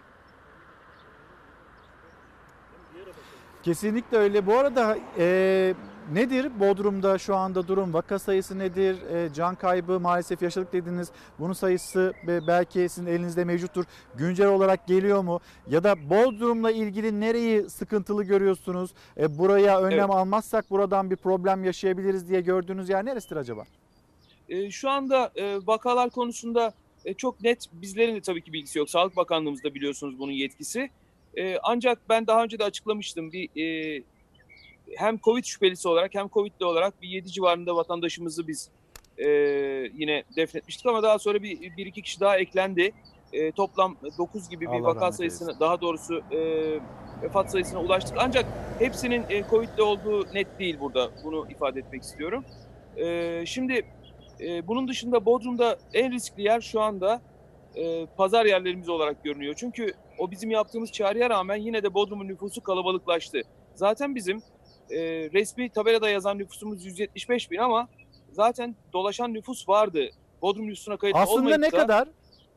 e, şu anda 300 bine yakındır nüfusumuz bizim İlker Bey. Ve tabii ki e, bu nüfus şu Tabelada anda 170 bin aslında 300 bin. 300 bine yakın nüfusumuz tabii ki. Çünkü Bodrum'a Bütçenizde peki bu da- nüfusa göre değil mi? Yani tabelada 170 bin yazıyor. E, dolayısıyla e, o tabeladaki nüfusa bakılarak size bir bütçe veriliyor. Ama e, şimdi Çok doğru. 300 bin insan yaşıyorsa, vatandaş yaşıyorsa o, sizin oradaki bütçenizin biraz daha yukarıda olması gerekmez mi?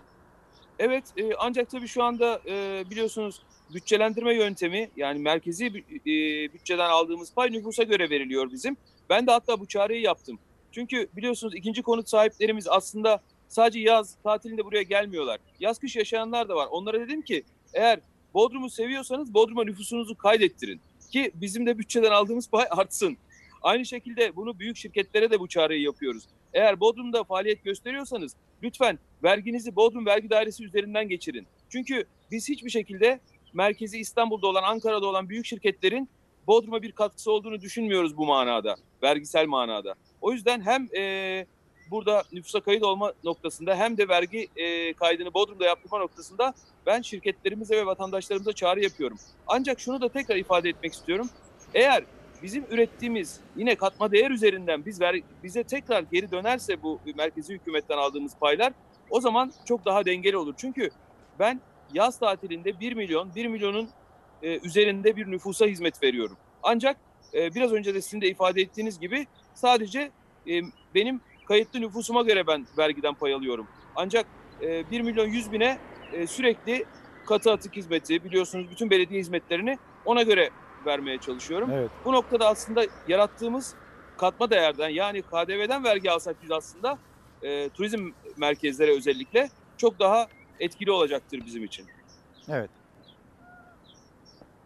Efendim çok teşekkür ederiz. Çok sağ olun. Bodrum Belediye Başkanı Ahmet Araz kendisiyle konuştuk. Yaşadıkları problemleri e, bir ilçe ama büyük bir ilçe ve bütçeye kaynağı da ihtiyaçları olduğunu söylemekte Ahmet Araz. Efendim şimdi bir mola vereceğiz. Sonra Kuğulu Park'a götüreceğim sizi. Kuğulu Park'ta da bir randevumuz var. period of time right now, but have no worries. We all know that this is gonna pass. But until then, Общайтесь со своей семьей, занимайтесь спортом дома, либо читая, пополняйте свои знания в неизвестных для вас областях. نقدر نشغل وقتنا بقراءة الكثير من الكتب واكتشاف هوايات جديدة وممكن حتى زيارة بعض الأماكن عن طريق الإنترنت بتقنية ثلاث الأبعاد وأخيرا تحضير الطعام مع أحبابكم ابقوا بمنازلكم حافظوا على صحتكم وعلى صحة أحبابكم Өз кітабыңызды жазуға тырысыңыздар, деректі фильмдерді көріңіздер, күнделік бастаңыздар, шет тілін үйренуге тырысыңыздар. Faites de la méditation, dessinez, rêvez, fixez vos objectifs pour l'avenir. دولت و تئاتر شهر تئاتر آنلاین برگزار میکنن. اونا رو نگاه کن. یا فیلم کارگردانای معروف دنیا که اسمشون همه جا پیچیده رو نگاه کن. En önemlisi sağlığınızın kıymetini bilin, evde kalın. Evde kal. Efendim bir kez daha günaydın. Çocuklarımız sesleniyor. Evde kalın, dışarı çıkmayın. Sevdiklerimizi korumak için aslında hepimizin evde kalması gerekiyor. İşte hemen arkamda e, Kuğulu Park'ın simgelerinden aynı zamanda. Yani bir yandan kuğular var, buradaki işte o fıskiyeler var. Diğer yanda da buraya gelen her çocuğun mutlaka uğradığı ve sürekli neşe, e, mutluluk çığlıklarının yükseldiği parkı göstereyim sizlere. Şu anda parkın durumu bu. Çünkü çocuklarımız e, 20 yaş altı e, gençlerimiz onların sokağa çıkması yasak. 65 yaş üstü e, büyüklerimiz onların sokağa çıkması yasak.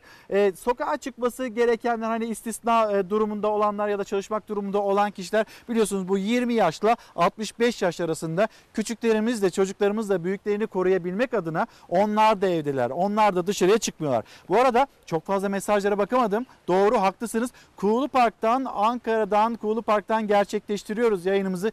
Geçecek bu ayrılık diyoruz. Şarkı sözlerinde var ya geçecek bu ayrılık ve sonunda zafer bizim olacak. Biz kazanacağız ve bunun için de bunu başarabilmemiz için bu geçici ayrılığı yaşamamız. Ondan sonra da ondan sonra da hep birlikte sağlıklı güzel günlere kavuşmamız gerekiyor. Naz Hanım günaydın çok teşekkürler. Farklı bir yayın oluyor. Gerçekten Kızılay'dan başladık. Yayınımızı Kızılay'dan başlattık. Yavaş yavaş şöyle Atatürk Bulvarı'ndan yukarıya doğru çıktık. Akay Kavşağı'nın biraz yukarısında Milli Müdafaa Parkı'nın orada Deniz Zeyrek'le karşılaştık. Deniz Zeyrek'le hani gündemdeki konuları böyle bir değerlendirdik. Bodrum Belediye Başkanı ile sohbetimizi tamamladık. Ne demiştik? Kuğulu Park'ta bir randevumuz var. Kuğulu Park'taki randevumuzda Çankaya Belediye Başkanı Alper Taşdelen'le. Şimdi ben Alper Bey'in yanına, Alper Taşdelen'in yanına giderken biz sizlere dünya raporunu vereceğiz. Dünyadaki son durumu. Geçtiğimiz hafta maalesef bu virüsün bulaştığı vaka sayısı, insan sayısı 1 milyon 700 bindi. Bir haftada yarım milyonu aştı. Ve şimdi bu pandeminin salgının yeni bir coğrafyası var diyor Dünya Sağlık Örgütü. Uyarıyor. Afrika'ya dikkat çekiyor. Dünyayı etkisi altına alan yeni tip koronavirüs COVID-19 salgınında can kaybı 155 bini aştı. Başkan Trump, Amerika Birleşik Devletleri'nde 65 bin kişinin hayatını kaybedeceğini açıkladı. Dünya Sağlık Örgütü salgının bir sonraki merkez üssü olarak Afrika'yı adres gösterdi. Amerika Birleşik Devletleri'nde toplam can kaybı 38.910 oldu. New York Times gazetesi bakım evlerinde kalan 6.900 yaşlının yaşamını yitirdiğini öne sürdü. Amerika Birleşik Devletleri Başkanı Donald Trump 100 bin ile 200 bin ölüm yaşanabilir açıklamasından geri adım attı. Sayıyı 65 bine indirdi. Trump, Çin'e yönelik yeni suçlamalarda bulundu. Ülkede yaşanan ölümlerin açıklananın çok üzerinde olduğunu savundu. Koronavirüsün Wuhan'daki laboratuvardan çıktığı iddiasını mantıklı buldu. Trump salgın önlemlerini protesto eden eylemcilere de destek verdi. Michigan eyaletinde başlayan protestoların benzeri Minnesota ve Utah'da da yapıldı. Avrupa'da salgın hala kontrol altına alınamadı. İspanya'da can kayıpları 20 bini aştı. Fransa'da hayatını kaybedenlerin sayısı 19 bini geçti. İngiltere'de bir günde 888 kişi hayatını kaybetti. Can kaybı 15 bini aştı. Ölüm oranı %7,5'u buldu. Salgın Rusya'da korkutucu bir hızla yayılmaya başladı. Son 24 saatte 4785 yeni vaka tespit edildi. 40 kişinin daha ölümüyle can kaybı 313'e yükseldi. Devlet Başkanı Putin salgında henüz zirve noktaya ulaşılmadığını hatırlattı. Özel kuvvetleri koronavirüsle mücadele için desteğe çağırdı. Tüm ülkenin, her bölgenin insan hayatı için mücadele vermeye %100 hazırlıklı olması gerekiyor. Dünya Sağlık Örgütü ve Birleşmiş Milletler ise yeni tehlikeye dikkat çekti. Salgının hızla Afrika'ya yayılabileceğini açıklayan iki uluslararası örgüt de bir an önce tedbir alınmasını istedi. Birleşmiş Milletler koronavirüsün kara kıtada en az 300 bin kişinin ölümüne yol açabileceğini açıkladı. Simay Hanım günaydın. Simay Hanım aracılığıyla Antalya'ya selamlarımızı iletelim. Kuğulu Park'tayız. İşte hemen yanı başımda kuğularımız ve misafirimiz Çankaya Belediye Başkanı Alper Taşdelen. Günaydın efendim. Günaydın. Hoş geldiniz. İyi yayınlar, hoş bulduk. Teşekkür Şimdi ederim. az önce Bodrum Belediye Başkanımızla konuştuk. Büyükşehir Evet. Belediye Başkanlarıyla e, hafta sonları yayınlar gerçekleştiriyoruz. Evet. Oradaki mevcut durum ne, neler yapılıyor, nasıl yardımcı olunmaya çalışılıyor diye. Şimdi bir veresiye defteri meselesi var. Çankaya ve çevresinde siz de katkı veriyorsunuz. Evet. Ama önce bir anlatır mısınız? Yani Kuğulu Parkı böyle görmek. Hiç böyle görmüş müydünüz? Ee, yani şöyle e, eski Milli Eğitim Bakanlarımızdan e, bir lafı vardı. Okullar olmasa Milli Eğitim ne güzel yönetilir diye. yani sokaklar böyle boş olunca her yer parklar, her yer sokaklar e, pırıl pırıl tertemiz. Biz tabii kalabalık halinde de pırıl pırıl bakıyoruz. E, tabii değişik duygular yani sokağa çıkıp hiç kimseyi görmemek, e, her yerin bomboş olması, e, hava tertemiz, e, değişik duygular. Şimdi e, peki hani evlerinden çıkacaklar insanlar büyük baharı bekliyor. Tabii. O büyük bahar için siz nasıl hazırlıklar yapıyorsunuz? Bu e, günler biraz da zor günler. Çünkü e, dar gelirli insanlar var. Tabii. Esnafımız var. Onlarla ilgili ne yapıyorsunuz? Bir sizi dinleyelim. Tabii. İlker Bey şöyle, şimdi yaşadığımız sürecin e, bu salgının iki ayağı var. Birisi sağlık ayağı, biri de ekonomi ayağı. Biz sağlık ayağında belediye olarak gerçekten e, son 40 gündür e, aralıksız 7-24 çalışıyoruz. E, hala açık olan özellikle eczaneler, muhtarlıklarımız, aile sağlık merkezlerimiz, polis karakollarımız, polis noktalarımız, kamu kurumları, duraklar, işte hafta içi herkesin kullandığı parklar, meydanlar, yollar her yeri periyodik olarak dezenfekte ediyoruz. Her yer bir kere dezenfekte ediliyor. Yine benzer şekilde psikolojik etkileri var bu süreçlerin, e, ekonomik etkileri var. E, biz e, belediye olarak e, sosyal belediyeciliğin en güzel Nasıl örneklerini yapıyorsunuz? veriyoruz. Mesela şimdi sokağa çıkma yasağının olduğu günlerde Evet. şi- ara sokaklarda ekmek arabaları dolaşıyor. Tabii. Zabıtalarımızı görüyoruz tabii, mesela. tabii. Şöyle bizim- Vefa ekibi gibi çalışan Tabii tabii zabıtalarımız. tabii. Ne yapıyorsunuz? Yani vefa ekibine de destek oluyoruz ama kendi ekiplerimiz de var ayrı. E, iki tane e, çağrı merkezimiz var. Çözüm merkezimiz 444 0601 ve e, destek yardım 444 0601. Bunu bir kez daha Evet, söyleyelim ki ve- hani vatandaşlar ulaşmak isterlerse buyurun. Ve destek yardım merkezimiz 0312 458 90 30. Bu iki numaradan vatandaşlarımıza hizmet ediyoruz. hafta içi 65 yaş üstü çıkamadığı için özellikle 65 yaştan büyüklerimize e, hizmet ediyoruz. Alışverişlerini biz yapıyoruz, ihtiyaçlarını götürüyoruz, ilaçlarını, ekmeklerini, her şeyini. Sokağa çıkma yasağı ilan edildiğinde bu iki hat herkese çalışıyor. Hiç kimseyi ekmeksiz bırakmıyoruz, susuz bırakmıyoruz, ilaçsız bırakmıyoruz. Çankaya'da hiç kimse yalnız değildir e, parolosuyla e, çalışıyoruz. Şu anda da çağrı merkezimizde 30'a yakın arkadaşımız, sahada yine 70'e yakın arkadaşımız şu anda e, bunun için çalışıyor. E, hiçbir aksama e, olmaksızın. Tabii ekonomik anlamda da İlker Bey şöyle, e, biz sosyal e, demokratız, sosyal belediyeciliğe inanıyoruz. E, hiç kimse açta açıkta kalmasın istiyoruz. Şimdi insanlara evde kalın diyoruz. Peki evde kalacaklar ama evde kaldığı zaman gelirini kaybedecek olan insanlarımız var. Yurttaşlarımız var. Şimdi burası çok önemli. Türkiye genelinde işte Bendevi falan dökenle konuştuğumuzda e, Tabii. esnafların başkanıyla ya da e, diğer sosyal kuruluşlarla konuştuğumuzda esnafımızın ihtiyacı var. Esnafımız şu anda evinde Tabii, dükkanlarını tabii, kapattı. tabii. Berber için de böyle, çiçekçilerimiz Tabii, için tabii, de tabii, böyle. tabii. Onlara destek olmamız Tabii. gerekiyor. Yani herkes için bakın e, berberin çırağı, kahvehanenin çaycısı. Yani 540 herkes- bin insandan Tabii, bahsediyoruz. tabii. Sadece berber esnafı için. Tabii. Bakın İlker Bey biz e, yak 40 gündür yani süreç başladığından bugüne e, bugüne kadar 48 bin yurttaşımızla iletişime geçtik. 48 bin. E, bu insanlar bizim halk karttan yani geliri en düşük olan halk karttan faydalanan yurttaşlarımız var. İşini kaybeden odalardan aldığımız listeler var, onlar var. 65 yaş üstü e, evde bakım, evde sağlık hizmeti verdiğimiz zaten sorunlu olan yurttaşlarımız var. İşini kaybedenler var.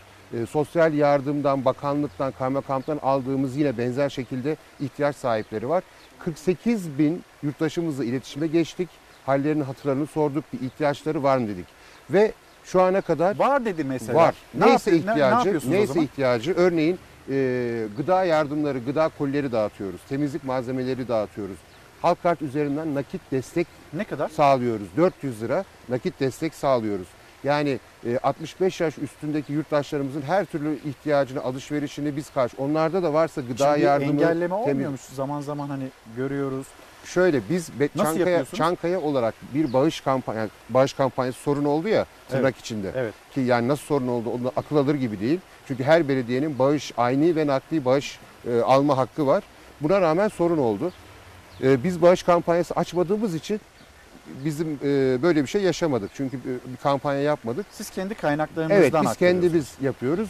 Daha doğrusu şöyle sürecin başında bir kampanya yapalım diye düşündüğümüzde Mansur Başkan'la hep paylaşıyoruz. Süreçleri ortak yürütüyoruz. Ee, Büyükşehir Belediyesi'nin kampanya yapacaktı. Onun yapmasının daha doğru olduğunu ve orada e, tek merkezde bağış kampanyası yapılması kararı aldık biz e, Ankara'da. O nedenle açmamıştık. Bize başvuran da Büyükşehir'e yönlendiriyordu. Yönlendiriyorsunuz. E, Yani darda açıkta olan herkesin imdadına yetişiyoruz. Alper Bey o zaman o iki numarayı tekrar söyleyelim. Çünkü hani aynı olarak, nakdi olarak yardıma ihtiyacı olanlar vardır. Neydi? 444 06 01 01 ve 312 458 90 30. 90 30. Şimdi veresiye defterini bir anlatır mısınız? Tabii. Aslında hani o Mansur Bey Büyükşehir Belediye Başkanlığı siz de ona büyük bir destek veriyorsunuz Tabii, Çankaya ve çevresinde. yapıyoruz. Bir anlatır mısınız onu? Tabii. El birliğiyle yapıyoruz. Yani Mansur Başkan'ın ve bizim hep e, toplantılarımızda da aynı nokta üzerine duruyoruz. Biz önce insan diyoruz. Önce insan. Yani şu anda yaşadığımız süreç 100 yılda bir bir ülkenin başına yani bütün dünyanın başına gelen bir süreç. Yani daha beteri Allah esirgesin. Böyle bir ortamda öncelik insan olmalı. Önce insan. Sosyal devletin öne çıkacağı bir dönem olmalı. Çünkü insanlar hem canıyla uğraşıyor hem cebiyle uğraşıyor. Tamam canını kurtarmak için bütün tedbirler alınıyor ama cebini de düşünmemiz lazım. Onun için Mansur Başkan'la e, çok güzel bir proje e, önerdi.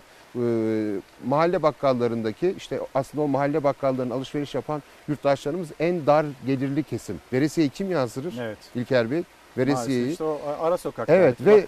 Bu arada böyle de bir kampanya yani belki bu süreçte e, o bakkalların da açık olması gerekmez mi? Onu da bir hatırlatmış olalım. Evet Ee, ve Mansur Başkan'ın öncülüğünde veresiye defterlerinin kapatılması kampanyası başladı. Biz de Çankaya olarak destek veriyoruz, beraber yürütüyoruz.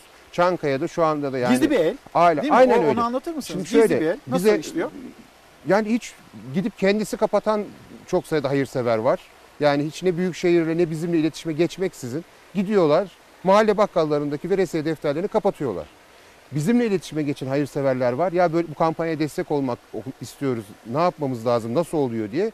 Biz de o hayırseverlerimizi bakkallarımıza yönlendiriyoruz. Yani adreslerini veriyoruz.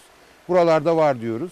Tabi burada en dar gelirli kesim e, yurttaşlarımızın, e, komşularımızın yaşadığı mahallelerden başlayarak yönlendiriyoruz. Sayı var mı? Yani bugüne kadar bu kadar veresiye defterine çarpı koyduk, kapattık. Şöyle sayıyı bulmak zor. Çünkü yani e, işte Çünkü bizim yönlen kendiliğinden gidip kendiliğinden de kapatanlar var, kapatan var. E, Takriben? yani çok, Çok. Ankara'nın tümünde şu anda var. Harika. Yani e, Ankara'nın genelinde ve Türkiye'ye de yayılmış. tabii tabii yayıldı. En son Ee, Aydın'da da ben gördüm. evet. Özlem Başkan atmıştı. Yani müthiş bir olay. Hem dar gelir yurttaşımız borcu kapanıyor ve aynı zamanda esnafın eline para geçiyor. Yani o bakkal da kazanıyor veresiye defteri kapatıldığında. Yani çok güzel bir uygulama. Şimdi bu bu süreçler gerçekten hepimizin e, çok büyük sorumluluk altında olduğu süreçler. Bakın biz Çankaya Belediyesi olarak bütün ihaleleri durdurduk şu anda. Şu anda ihalelerin hepsini durdurduk. Çünkü yani devir ihale devri değil. insanların İha- dayanışma devri. Kesinlikle. Tabii. İhaleler durdu. Çünkü sos, bu sürecin ne kadar devam edeceğini bilmiyoruz. Yani belki bu sokağa çıkma yasakları bir ay sonra bitecek. Hani iki ay sonra belki normal hayata adım adım döneceğiz ama bunun ekonomik sonuçları ne olacak? Devam edecek. Yurttaşımız sıkıntı çekmeye devam edecek. Doğru. Esnaf devam edecek. İşsiz kalan insanlarımız olacak. O nedenle insanımıza o kaynakları ayırmak adına, o günleri bir görmek adına ihalelerin hepsini durdurduk. Yani ihale e, yok, insan var şu anda. Ve bu süreçler şunu da gösterdi kanaatimce İlker Bey. E, el ele vermemiz gerekiyor. Yani bu dönem, bakın siz de ben gidip sabahtan izledim. Hani belediyelerin kampanyalarının engellenmesi, bayrak asmaların, bayrakların toplatılması bile e, ya bu dönem siyaset olmamalı. Siyaseti bırakmalı bırakmalıyız. Siyaset Türkiye yok. Belediyeler Birliği Başkanı Fatma Şahin'in de çağrısı bu yönde. Evet. Devir e, siyaset yapma Tabii, devri değil. siyaset dayanışma devri. olmamalı, particilik olmamalı, polemik olmamalı. El ele vermeliyiz. Yani e, iktidarıyla, muhalefetiyle, hükümetiyle, e, belediyeleriyle el ele vermeliyiz. El ele verip beraber e, yurttaşımızın dertlerine derman olmalıyız. Bizim şu anda yaptığımız derman belediyeciliği. Biz dertlere derman olmak üzere yola çıktık. Mansur Başkan seçimde hatırlarsınız şunu söylemişti Mansur Başkan. Ona sormuşlardı uçuk projeniz nedir, mega projeniz nedir? Demişti ki benim mega projem yok. Benim tek bir projem var Ankara'da açta açıkta hiç kimseyi bırakmamak, insanı öne almak. Şu an o günleri işte yaşıyoruz hep beraber. Demek ki e, uçuk kaçık projelere para harcanmadığında, israf önlendiğinde, belediyenin kaynakları bir yere gitmediğinde, belediyede kaldığında, belediye liyakatla yönetildiğinde demek ki bu kaynaklar kampanyalar engellense de e, açta açıkta yoksul insanımıza ulaşmak için yeterliymiş. Bunları da aslında şu anda çok net bir şekilde görüyoruz. Çok teşekkür ederim. Çankaya teşekkür Belediye ediyorum. Başkanı Alper Taşdelen'le konuştuk. E, neler yapıyorlar, ne yapılması gerekiyor? Burada kuşkusuz en fazla CHP'li belediyeleri ya da Millet İttifakı'nın belediye başkanlarının yükselttiği, e, hatırlattığı da dayanışma içinde olmalıyız. Devir, partizanlık devri değil. Bu cümlede aslında Fatma Şahin'e İki ait bir, kampanyamızı bir cümle da daha evet Buyurun. iki kampanyamızı da bu vesileyle hatırlatayım. Biz şimdi ihtiyacı olanlara gıda yardımları dağıtıyoruz, nakit destekler veriyoruz. Ba- havalar güzel, insanımız balkonda otursun diye 54 bin melekçe dağıttık evlerine yurttaşlarımızın 14 Çok bin güzel. haneye. Şimdi de 0-6 yaş grubu çocuklarımız için süt dağıtacağız. Ona başlayacağız. Burada listelerimizi belirledik. 4 bin eve haftada 2 litre süt e, teslim edeceğiz. Bir de 23 Nisan'da çocuklarımızı unutmuyoruz tabii ki. Çocuklarımıza e, kitap hediye edeceğiz evlerine. İşte bu numaralardan bize e, kitap için ulaşabilir yurttaşlarımız. Beşli e, bilim hikayeleri serisi ve Dünya Çocuk Klasiklerini armağan edeceğiz. Türk bayrağımızla beraber 100 binde kitap dağıtacağız. Çok teşekkürler Ben teşekkür tekrar. ediyorum. Bu arada 23 Nisan demişken o zaman CHP lideri Kemal Kılıçdaroğlu'nun bir çağrısı var sosyal medya üzerinden. Bir hatırlatalım öyle devam edelim. Sevgili çocuklar, coşkuyla kutlamayı beklediğiniz 23 Nisan Ulusal Egemenlik ve Çocuk Bayramı'nı bu sene evlerinizde kutlayacaksınız. Tarihi bir döneme tanıklık ettiğiniz bu günlerde dayanışmanın, sevginin, barışın ve sağlığın ne kadar önemli olduğunu bir kez daha anladık. Tüm dünya çocuklarıyla birlikte tanıklık ettiğiniz bu günlerde ulusal egemenliğin 100. yılını sağlık dolu bir dünya dileğiyle dünya barışını adıyoruz. Sizler de tüm dünya çocukları ile birlikte duygularınızı video, yazı ya da resimlerle paylaşın. Gelecek güzel günlere mesajınızı bırakın. Dünyayı barışla iyileştirelim. Coşkuyla kutlayacağımız nice 23 Nisanlarda buluşmak dileğiyle. Sizleri çok seviyorum. Efendim sizlerden mesajlar da geliyor. Bir yandan kuğularımız, kuğularımızın yanı başında sizlerden gelen mesajları şöyle açık bir havada aktarmaya çalışalım. Devam edelim. Sabiha Hanım, günaydın. Sabiha Özalp bizlere selamlarını göndermiş. Sevgi Algan, çok sağ olun, teşekkürler. Halil Bey, Geçici bu ayrılık inşallah biz baharı bekliyoruz demekte. Tıpkı Sağlık Bakanı Fahrettin Koca'nın da söylediği gibi. Şu anda baharı yaşıyoruz. Evet dışarıda hava güzel. Ama dışarı çıktığımızda bir risk var. Bu salgının daha da büyümesi, daha da yayılması riski ve sevdiklerimizin zamansız bir şekilde yanımızdan ayrılmak durumunda kalması, e, vefat etmeleri riski. Bizim bu salgına karşı yapabileceğimiz tek şey evimizde kalmak, evimizde izole olmak ve kendimizi korumak, salgına karşı kendimizi korumak. Bir de e, Sağlık Bakanlığı'nın bir uygulaması var. Birazdan hani geçtiğimiz yerlerde acaba durum nedir, bir risk var mı yok mu onun da e, hatırlatmasını yapalım. Sağlık Bakanlığı bu konuda hani böyle bir filyasyon, filyasyonla biz önemli bir başarı sağladık. Bu açıklamaları yapmıştı ya. Bir de uygulaması çıktı. Riskli bölgeler, riskli bölgeler varsa vatandaşlar hani oralara çok fazla yaklaşmayın diyen bir ve uyaran bir e, uygulamadan söz ediyoruz. Hakan Bey günaydın. Huzur evlerindeki sorunları da lütfen iletir misiniz? Huzur evlerindeki personeller, personellerin giriş ya, çıkış e, yapmaması gerekiyor. Yani onların da orada kalması gerekiyor. Gidiyorlar hani kiminle temas kuruyorlar böyle bir endişeyi yaşıyoruz demekte. Hakan Bey'in gönderdiği mesaj bu şekilde E, ve personel, personelle ilgili daha fazla onların özlük hakları, onların mutlulukları bunun da çok önemli olduğunu yine hatırlatıyor izleyicimiz. Sizlerden mesajlar geliyor. Onlara devam edeceğiz. Mesajları paylaşacağız. Dün ne demiştik? İyileşeceğiz demiştik. Bugün diyoruz ki geçici bu ayrılık. İyileşeceğiz elbette. Bakın insanlar nasıl iyileşiyorlar.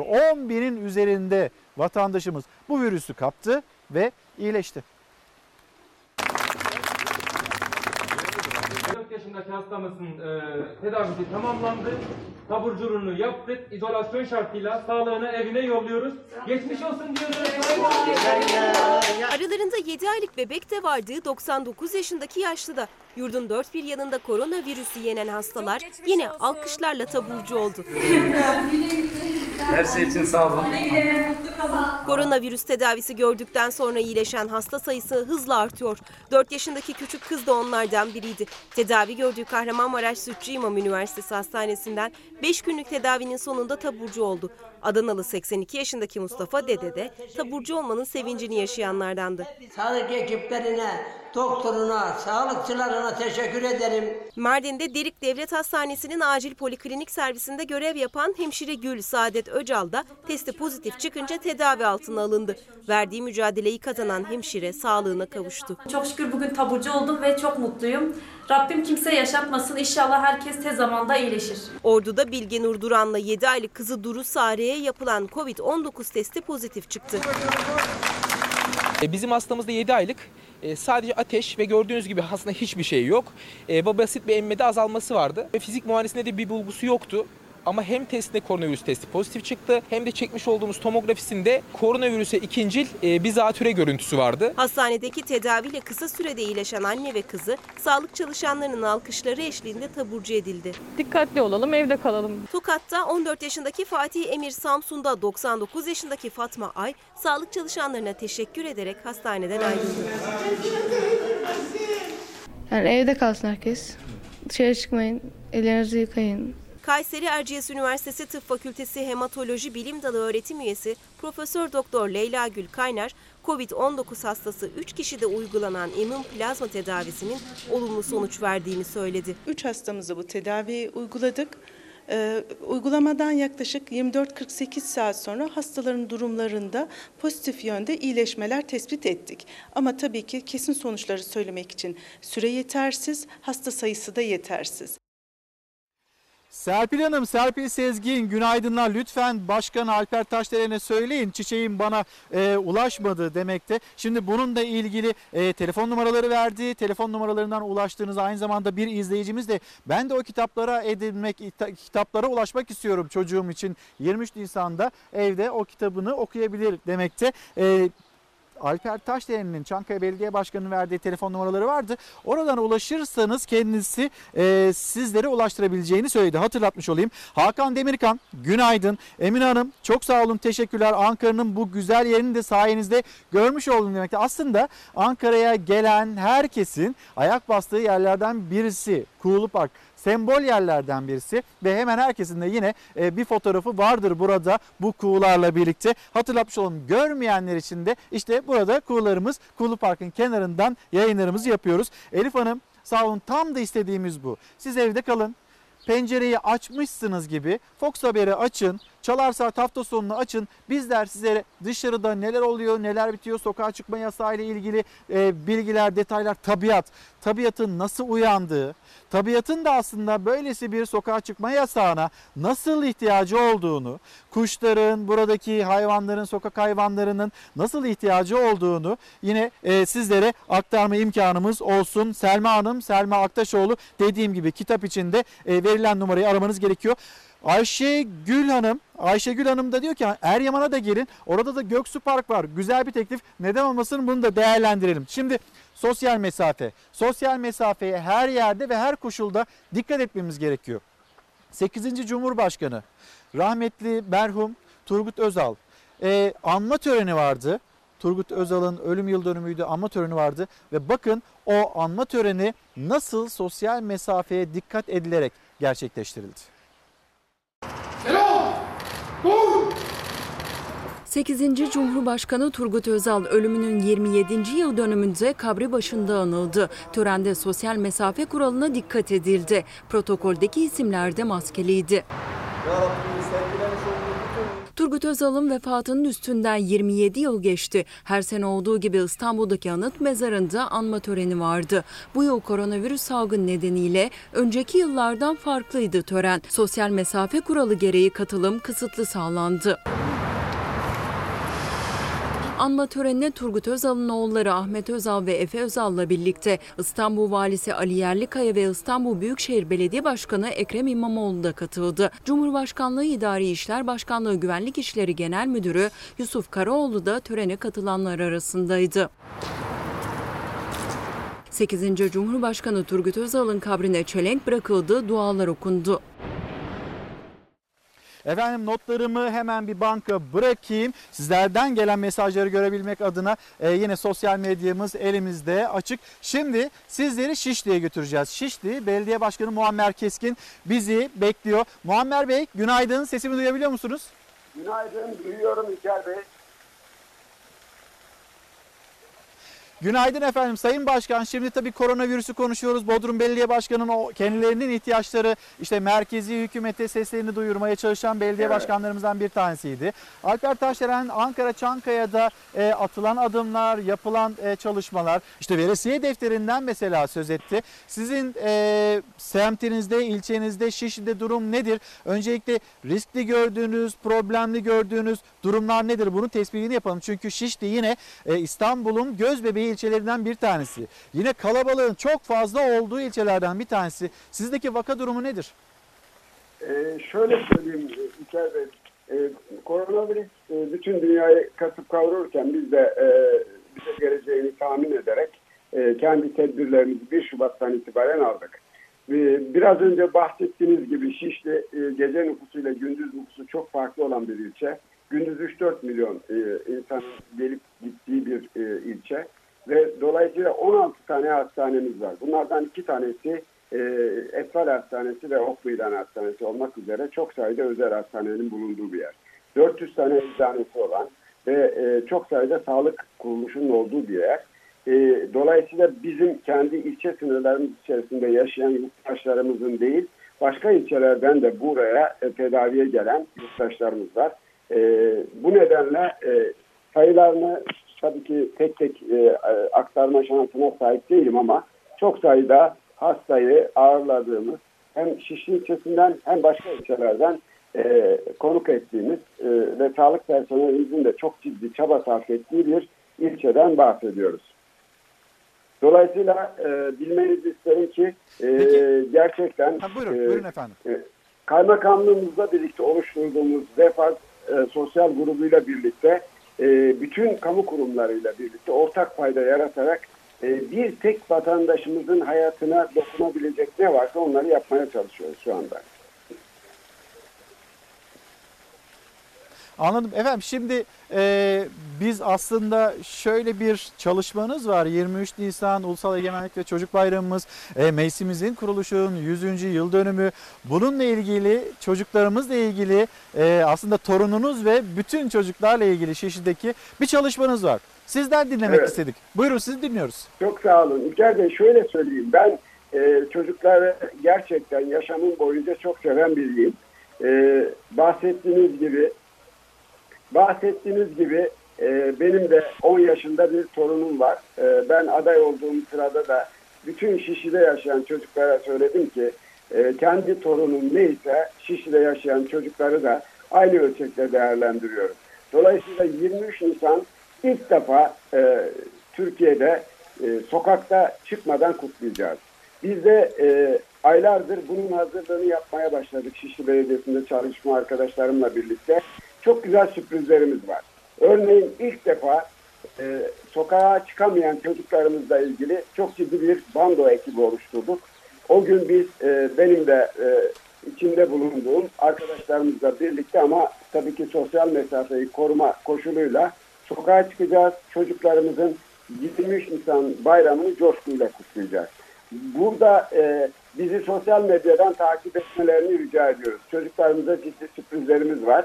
E, rüzgar gülleri yapıyoruz. Onlarla birlikte çeşitli etkinlikleri birlikte yapacağız. Onlarla birlikte bazı çalışmalarını biz de puanlandırarak onlara ödüller vermeyi düşünüyoruz.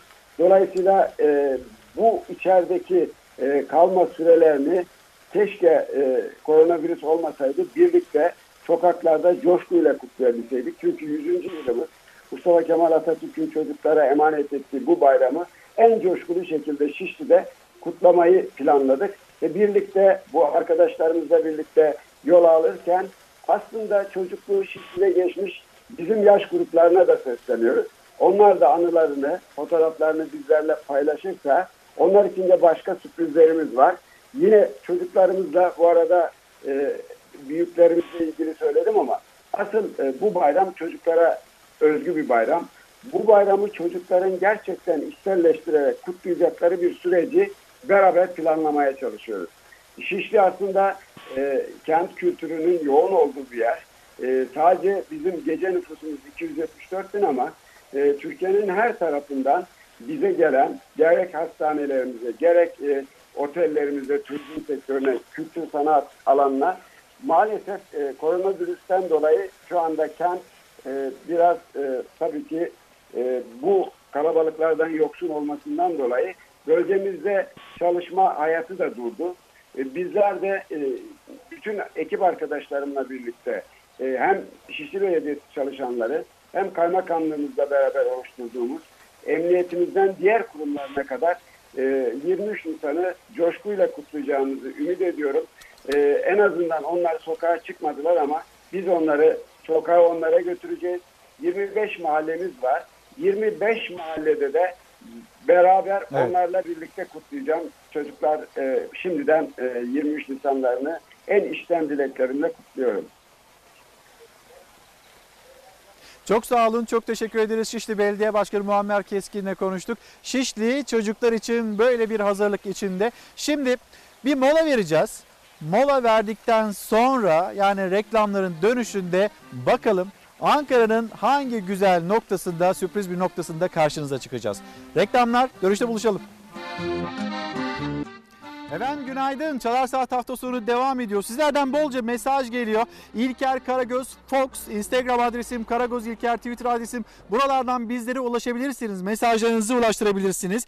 Mehmet Alper Turgut, günaydın. Evet Ankara'yı seviyorum. Ankara'nın da bizi sevdiğini, Fox Haber'i sevdiğini söylemişsiniz. Çok sağ olun. Tülin Hanım Bilkent'e davet ediyor bizi. Evet neden olmasın. Bir süre daha böyle devam ederse bizler de yayınlarımıza Ankara'dan devam edeceğiz kuşkusuz. Bir gün Rize'den, Rize'den yapın demekte Sami Öz. E, yine Özcan Dönmez bizleri e, İzmir'e davet ediyor. Tamam neden? Ama şu günler geçsin. Şimdi evde olmamız gerekiyor. Çocuklarımızın, ailelerimizin yanında olması, olmamız gerekiyor. Dolayısıyla o seyahatleri, oradan yapılacak yayınları biraz erteleyelim ama yapalım. Oralarda olalım, memleketin her yerinde olalım. Herkesle konuşalım. Herkesin sıkıntıları, dertleri, neşeleri, mutlulukları her şeyi birlikte konuşabilelim. Serdar Bey Günaydın 23 Nisan'da herkes ama herkes evindeki bayrakları camlara assın. Meclisimizin 100. yaşını bu şekilde kutlayalım. Çocuklarımızın bayramını, dünya çocuklarının bayramını bu şekilde kutlayalım demekte. Semra Hanım günaydın. Geçici bu ayrılık İzmir'den selamlarımız olsun diyor. Ve yine Özcan Bey'in mesajı 4 ay önce insanlara maske takacaksın. Spor müsabakaları olmayacak. Günlerce evden dışarı çıkamayacaksın deseler gülerdik. Şimdi bir tabloya bakar mısınız? Geçici bu ayrılık diyorsunuz ama bakın neler yaşıyoruz demekte. Özcan Dönmez'in gönderdiği mesaj bu şekilde. Şimdi İran Caddesi'nin üzerindeyiz. Geçtiğimiz hafta, geçen hafta sizlere Tunalı Hilmi Caddesi'nin üzerinden seslenmiştik. Tunalı Hilmi Caddesi hemen aşağıda bulunuyor. O caddenin girişinde bir polis noktası ve polisler orada güvenlik e, tedbiri almışlar, özel kıyafetler giymişler. Özel kıyafetleriyle burada hani sokağa çıkanlar varsa niçin sokağa çıktıklarını soruyorlar. Bir yandan araç trafiğini yönetiyorlar, yönlendiriyorlar. Ve Tunalı Hilmi Caddesi, dükkanlar, dükkanların hepsi tamamen kapalı. Yani sokağa çıkma yasağı var kuşkusuz ondan kapalı ama aynı zamanda kapatılan dükkanlar var. Esnaf, esnafın durumu bunları konuşacağız. Birazdan e, yine İstanbul'a döneceğiz. İstanbul notlarımızı paylaşacağız ama bir şehidimiz var. Şehidimizle ilgili bilgileri de Milli Savunma Bakanlığı tarafından e, yayınlandı. Hulusi Akar tarafından bu bilgiler paylaşıldı. Milli Savunma Bakanlığı'ndan yapılan açıklamaya göre Hakkari'nin Yüksekova ilçesindeki askeri bölgede görevli piyade er Abdullah Çam nöbet sırasında rahatsızlandı. Yüksekova Devlet Hastanesi'ne kaldırılan piyade er yapılan müdahaleye rağmen kurtarılamayarak şehit oldu ve şehidimizin bilgisinde Milli Savunma Bakanı Hulusi Akar e, sosyal medya üzerinden paylaştığı bir de taziye mesajı paylaştı. Bizler de şehidimize Allah'tan rahmet diliyoruz ve e, yakınlarına, ailesine de memleketimize, ülkemize de başsağlığı dileklerimizi, mesajlarımızı iletmiş olalım. Ve şimdi ben biraz böyle Ankara'yı anlattım. Hemen Beril Özcan karşımızda e, ve Bebek'te İstanbul'un göz bebeği yerlerden birinde Bebek sahilinde bizleri bekliyor. Beril seni dinliyoruz. Bebek notlarını bir alabilir miyiz? Sahilde dolaşanlar var mı? Sahilde dolaşanlar yok ama eğer sokağa çıkma yasağı olmasaydı bu güzel güneşli İstanbul gününde İstanbulluların en çok tercih edeceği noktalardan bir tanesi Bebek sahili olacaktı. Burası önemli bir yürüyüş noktası. Buradan dileyen Ortaköy'e doğru yürüyebiliyor. Dileyen e, Rumeli Hisarı'na Bebek'ten sonra Rumeli Hisarı ve e, Emirgan'a doğru yürüyebiliyor. E, bunun dışında burada çok güzel bir park var yeşillikler içinde. İsteyenler de burada kitaplarını okuyup kahvelerini içiyorlar vardı ve çocukların da çok sevdiği bir yer var Bebek Parkı'nın içinde. Ee, çocuk parkına da e, sıklıkla gelişler oluyordu. Eğer sokağa çıkma yasağı olmasaydı yine burada e, kalabalık görmek mümkün olacaktı. Çünkü hafta içinde de insanlar güneşi görünce yeniden sokaklara çıkmaya başlamıştı ama şimdi burada hiç e, kimseyi görmek mümkün değil. Sadece güvenlik e, ve polislerden başka. E, bunun dışında da ara ara anons yapıldığını duyduk. Güneşli havaya aldanmayın, e, evlerinizde kalın diye bir anons yapıldı. Bunun dışında bebekten aktaracaklarım şimdilik bu kadar. Ee, çok teşekkürler. Ee, şimdi İstanbul İstanbul notlarını paylaştık. Beril'in de söylediği gibi eğer hani e, sokağa çıkma yasağı olmasaydı orada Bebek'te sahilde insanlar yürüyor olacaktı. Aynı zamanda çocuklar Bebek Parkı içinde orada parkın içinde e, oyunlar oynuyor olacaktı. Kuğulu Parkı gösterdim. Kuğulu Park'ın içindeki parkı, o parkın sessizliğini mümkün değil. Böyle görmek yani birisi söylese gerçekten Özcan Bey'in de söylediği gibi birisi söylese e, inanmazsınız, inanamazsınız. Peki Peki bu ne kadar devam edecek? İsterseniz şöyle e, yönetmenimiz Hüseyin'den ben bir rica edeyim. Gazete Pencere, Gazete Pencere'de uzmanların e, dün mesela e, Çalar Saat hafta sonunda e, misafir etmiştik. Kendisini ağırlamıştık. E, Profesör Doktor Alpay Azap ne zaman bitecek? Hani bu sıklıkla soruluyor. Bunu bir yandan işine dönmek isteyenler, bir yandan ekonominin çarkını deva, ekonomi çarkının devam etmesini isteyenler, bir yandan hani e, işsizlikle boğuşanlar bunu bir yandan söylerken bir yandan da uzmanlar hani ne olabileceğini, nasıl bir vuslat e, o vuslatla ilgili nasıl bir tarih olabileceğini yavaş yavaş bizimle paylaşmaya başladılar. İyimserler daha zaman var diyenler de var ama kötümser olanlar da var. Yani üç farklı grupta değerlendiriliyor aslında. Şimdi Sağlık Bakanı Fahrettin Koca onun yaptığı açıklamalara baktığımızda eğer bir pik olmazsa ki o pikten kasıt geçtiğimiz hafta alelacele ve aniden alınan o sokağa çıkma yasağı. Sonra o sokağa çıkma yasağından önce sokağa dökülenler, insanlar, kalabalıklar yüzlerinde maske olmadan sosyal mesafeyi e, bilmeden, düşünemeden sokağa çıkan insanlar bir pik yapma e, meselesi olursa zaten bundan endişe duyuluyor. Biz bir hafta 10 gün sonra bir e, salgına, yeni bir salgına neden olur mu olmaz mı'nın e, endişesini o gün yaşananlardan dolayı hissediyoruz. Peki o günün vebali vatandaşlara acaba yüklenebilir mi? Burada da şüpheli yaklaşmak gerekiyor. Vatandaşların alışveriş tercihlerine baktığımızda bununla ilgili bir araştırma var.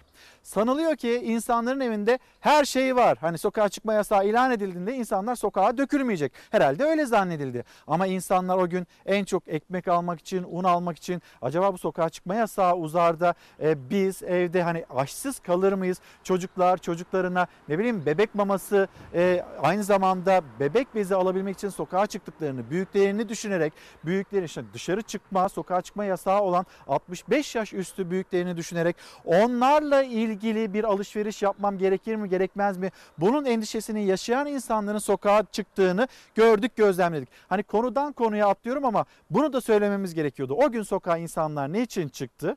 Bunun detaylı bir şekilde o alışveriş ya da e, psikolojik olarak o sosyolojik olarak da aynı zamanda insanların tavrını konuşmak ve anlatmak gerekiyor. Ne oldu mesela hafta içinde sokağa çıkma yasağı erkenden açıklandı. Ne oldu? Denilmişti ki ilk e, yapılan hatada, hata diyorum çünkü İçişleri Bakanı e, Süleyman Soylu da ben bunu öngöremedim demişti. O ilk gün yapılan açıklamaların içinde eğer hani daha önceden açıklasaydık yine benzer görüntüler olurdu değerlendirmesi yapılmıştı. Ama o görüntüler olmadı mesela. Burada demek ki daha önceden tedbir alınabiliyor. Cumhurbaşkanı Erdoğan'ın önceden pazartesi gününden bu sokağa çıkma yasağını e, açıklamış olması herkesin bir derin nefes almasına, alışverişini de rahat bir şekilde yapabilmesine neden oldu. Geri gelecek olursak baya bir oradan oraya oradan oraya gittik ama ne zaman bitecek bu? İşte ne zaman biteceğiyle ilgili Alpay Hoca'nın, Alpay Azap'ın değerlendirmesi hastalığın çok yaygın görüldüğü İspanya, Fransa ve Amerika gibi ülkelerde de aslında çok hızlı artış eğrisi yaklaşık 6 ila 8 hafta sürüyor. Onun sonucunda bir tepe dediğimiz işte pik dediğimiz yere ulaşılıyor. Demek ki bizim muhtemelen 11 Mart'tan birkaç gün önce belki bir hafta öncesinden bu 6-8 haftayı başlatmamız lazım. Kabaca Mart başı gibi dersek işte Nisan ortasını geçtik 6 haftayı bitirdik 8 hafta gibi tepeye ulaşılıyor. 1-2 hafta içerisinde e, tepe değerini göreceğiz. Tepeye ulaştıktan sonra biz önümüzdeki haftalarda hep şeyi konuşacağız. Acaba bu aldığımız e, kısıtlamaları nasıl esnetir? İşte okulları açacak mıyız, açmayacak mıyız? Ne bileyim seyahat kısıtlamalarını kaldıracak mıyız? Sokağa çıkma yasaklarını kaldıracak mıyız hafta sonları gibi. Bu tedbirleri yavaş yavaş gevşetmek lazım. Okulları göreceğiz, zaman gösterecek biraz. Nisan sonunda açılamayabilir ama belki Mayıs ortası gibi hani bir ikinci artış olmazsa iyi gittiğini e, değerlendiriyoruz. E, İstanbul açısından da vaka sayılarının artış hızı dediğiniz gibi yavaşlamış durumda. Biz tepeye ulaştık artık bundan sonra azalacak diye beklersek bu kendi kendine azalacak bir şey değil. İnsanların bu tedbirlere artık gerek olmadığını düşünüp tekrar kalabalık bir şekilde bir araya gelmeleri, e, eski sıkı temas günlerine dönme riski söz konusu. Ona dönersek hiç şüphemiz olmasın bu hastalık tekrar artar. Bu virüsün sıkıntısını yaşayanlar var. Bu virüsün mağdur ettiği kişiler var. Bugün bir hani o sokağa çıkma yasağı ilan edilirken organizasyon konusunda ciddi eksiklikler, hatalar olabiliyor. Az önce paylaştık Ankara'dan hani bir olumsuzluğu göstermedik aslında sizlere. Bir sağlık çalışanı yine e, benzin istasyonunda çalışmış bir büyüğümüz evine gidecekti. Otobüs durağında otobüsü bekliyorlar. Toplu taşıma en fazla böyle bir 15 dakika içinde onlara ulaşıyor. Tabii ki e, eskiye nazaran daha seyrek toplu taşıma e, gerçekleşiyor ama aynı zamanda e, yine aynı zamanda burada insanlarımıza erişim noktasında daha titiz davranılması gerekiyor. Mesela İstanbul'da bunun mağduriyetinin yaşandığını Akşam gazetesi manşetinden duyuruyor. Yani sağlık çalışanları nöbetten çıkmışlar evlerine gitmeleri gerekiyor ama toplu taşıma noktasında bir mağduriyet yaşadılar denilmekte. O habere gideceğiz. Bakın bazı mesajlar var. Bir yandan da Berkcan'la yavaş yavaş İran Caddesi üzerinde yürüyelim. Geçen hafta Seymenler Parkı'na gider misiniz? Seymenler Parkı'nı bize gösterir misiniz diyen izleyicilerimiz. E, onlar için yavaş yavaş da Seymenler Parkı'na yürüyor olalım. Diyor ki mesela Birgül Hanım bu e, koronavirüs nedeniyle düğün salonu sektörü en çok etkilenen sektörlerden bir tanesi. Tüketici hakları kaporoları iade edin diyor ama bizler ne yapacağız? Bizleri düşünen yok demekte. İki tarafta haklı. Ne olacak? Bununla ilgili nasıl devreye girilecek? Bu merak edilen konulardan bir tanesi. Sezer e, hemen isminizi açayım. Sezer Tuğ Özmutlu. Çok sağ olun. Çok teşekkür ederiz. Biraz nefes alın diye gerçekten evinizde bir pencere açmaya çalıştık. Yavaş yavaş da Ankara sokaklarında, caddelerinde sizlerle birlikte yürüyoruz. Mağdurlar, mağdurların yaşadığı sıkıntı. Hani bu işler galiba devam edecek. Önümüzdeki haftada devam etme ihtimali var. İşe de yarıyor gibi gözüküyor. Şimdi vakalara, verilere baktığımızda o zaman hani hafta sonları bu sokağa çıkma yasağı 30 il artı Zonguldak şehrinde devam edecekse artık bir organizasyonun olması gerekiyor. Kimsenin de mağdur olmaması gerekiyor. Sağlık çalışanım işe gideceğim bekliyorum. Bir 25 dakikadır bekliyorum. Nöbete geciktim şu an. On binlerce işçi bugün fabrikalarında çalışıyor. 31 ilde milyonlar evlerindeydi ama onlar hastanede doktor, hemşire, sağlık çalışanı, fabrikada işçi. Yani çalışmak zorunda olanlar, yasağın mağdurları da yine onlar oldu. Özellikle işlerine ulaşmakta güçlük çektiler. 7'de geldim buraya. 45-50 dakikadır bekliyorum. 3 tane otobüs geçti. Doluydu yani almadılar. Ayakta beklemekten işte çalışmakta halim kalmayacak herhalde. 45 dakika 50 dakikadır ayakta bir fiil bekliyorum. İstanbul'da seferler azaltıldı, belirli saatlerle sınırlandırıldı. Sosyal mesafenin korunması için uygulanan %50 kuralı nedeniyle de toplu taşıma araçlarının çoğu duraklarda duramadı bile. Bir saattir bekliyoruz. Üç tane geçti ama kısıtlı olduğu için almıyor. Sokağa çıkmayı yasaklıyorsalar bunu hani arabaları sıklaştırabilirler. Çalışmak isteyen insanlar ne yapacak? İşe gitmiyordum, hastaneye gidiyordum. Maalesef gidemedim, geri dönüyorum. Şu an randevumu da iptal ettim, erteledim, eve gidiyorum. İstanbul'da toplu ulaşım sabah saat 10'a kadar devam edecekti. İşte son vapurda Eminönü'nden kalktı. Kadıköy'e doğru hareket ediyor. Geri dönemeyenler, işe gitmek zorunda olanlar son seferi de kaçırınca yürümek zorunda kaldı. Metrobüsler var da bir 97 otobüsü var o yoktu. Yürüyerek geliyorum işte. Ortalama yarım saat. Sadece işe gitmeye çalışanlar değil, gece çalışıp nöbeti devredenler de evlerine dönmekte zorluk yaşadı. Sağlık çalışanlarının yardımına zabıta ekipleri koştu. 112 çalışanıyım. Pendik'te görev yapıyorum. Bugün nöbet çıkışım.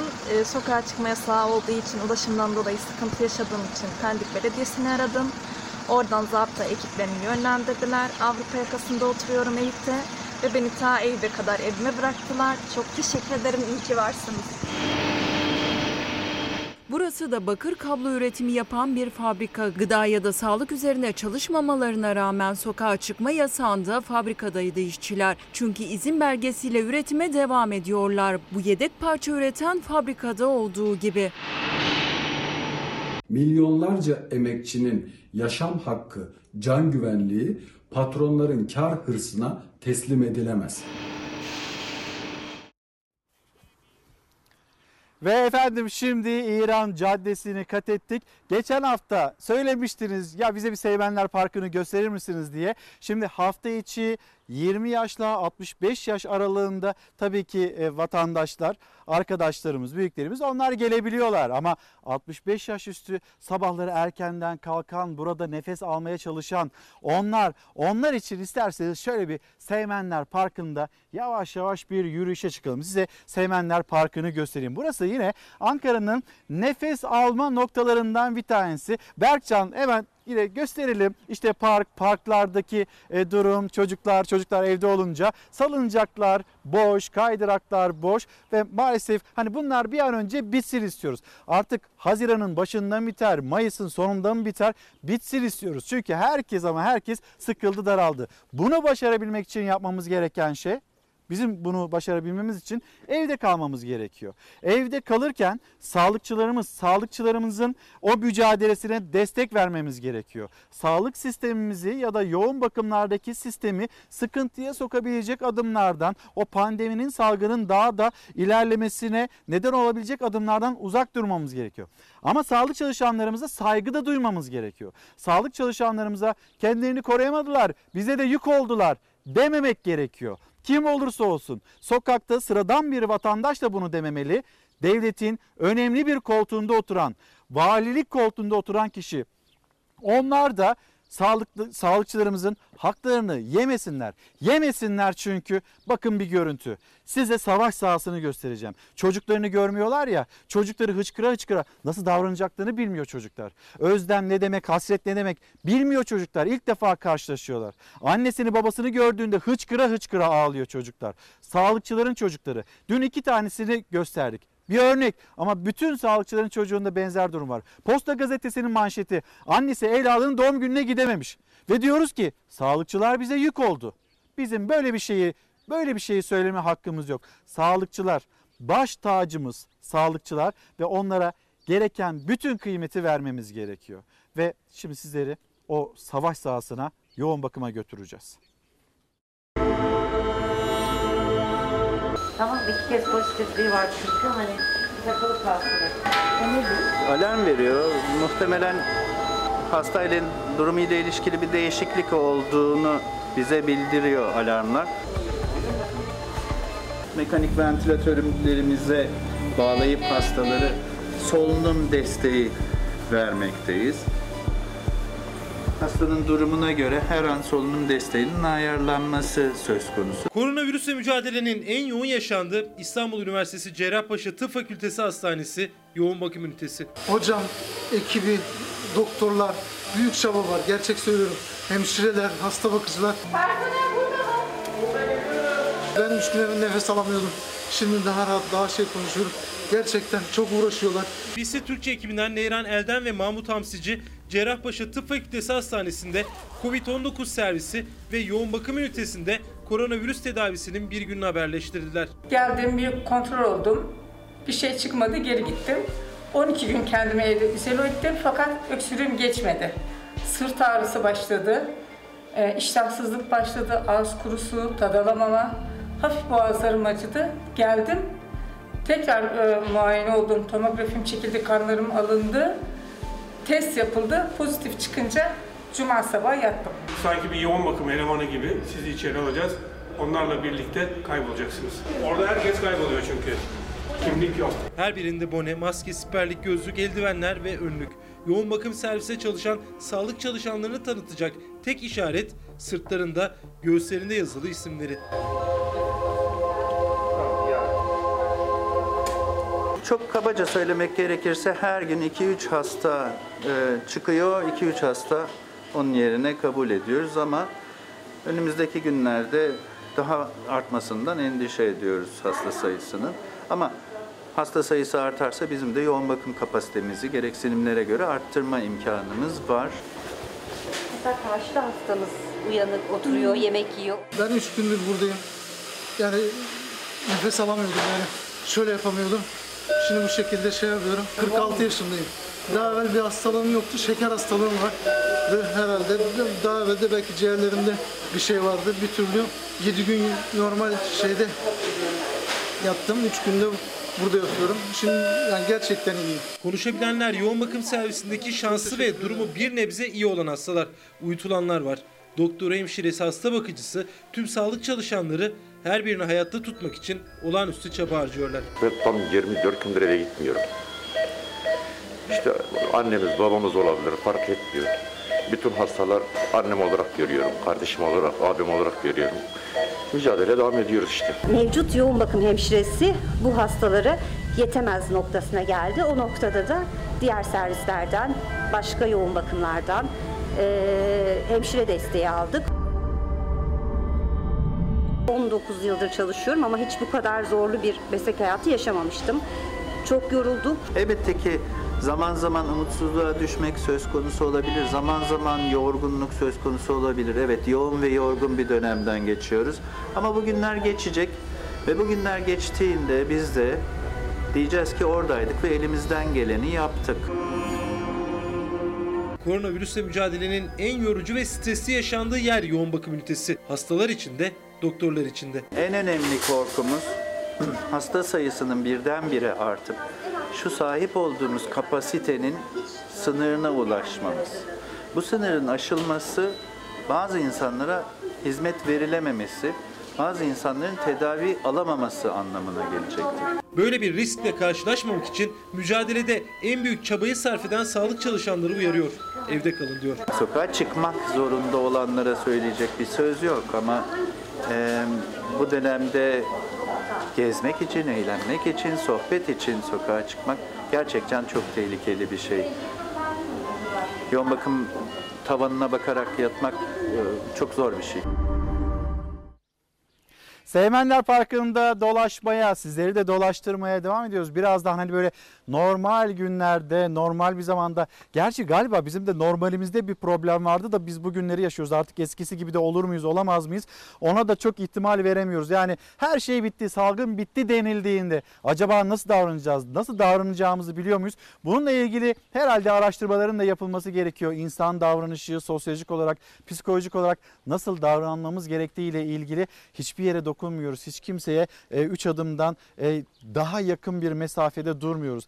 Dikkat etmeye çalışıyoruz. Acaba her şey bittiğinde biz nasıl nasıl böyle normalimizi bulacağız? Yeni normalimiz ne olacak? Onu merak ediyoruz. Gazeteleri okumaya devam edelim. Hürriyet gazetesi ama bir yandan da tabii ki parkın etrafında dolaşacağız. Parkın böyle yamaçlarında tam da gün batımında e, Müşerref Hanım yazmış. Müşerref Kocabaş Çanakkale'den 20 sene önce ben orada o yokuşta Sevmenler Parkı'nda bir çay içmiştim. Tadı hala damağımda diyen bir büyüğümüz, bir izleyicimiz. Kendisine selamlarımızı iletelim. Evet öyle.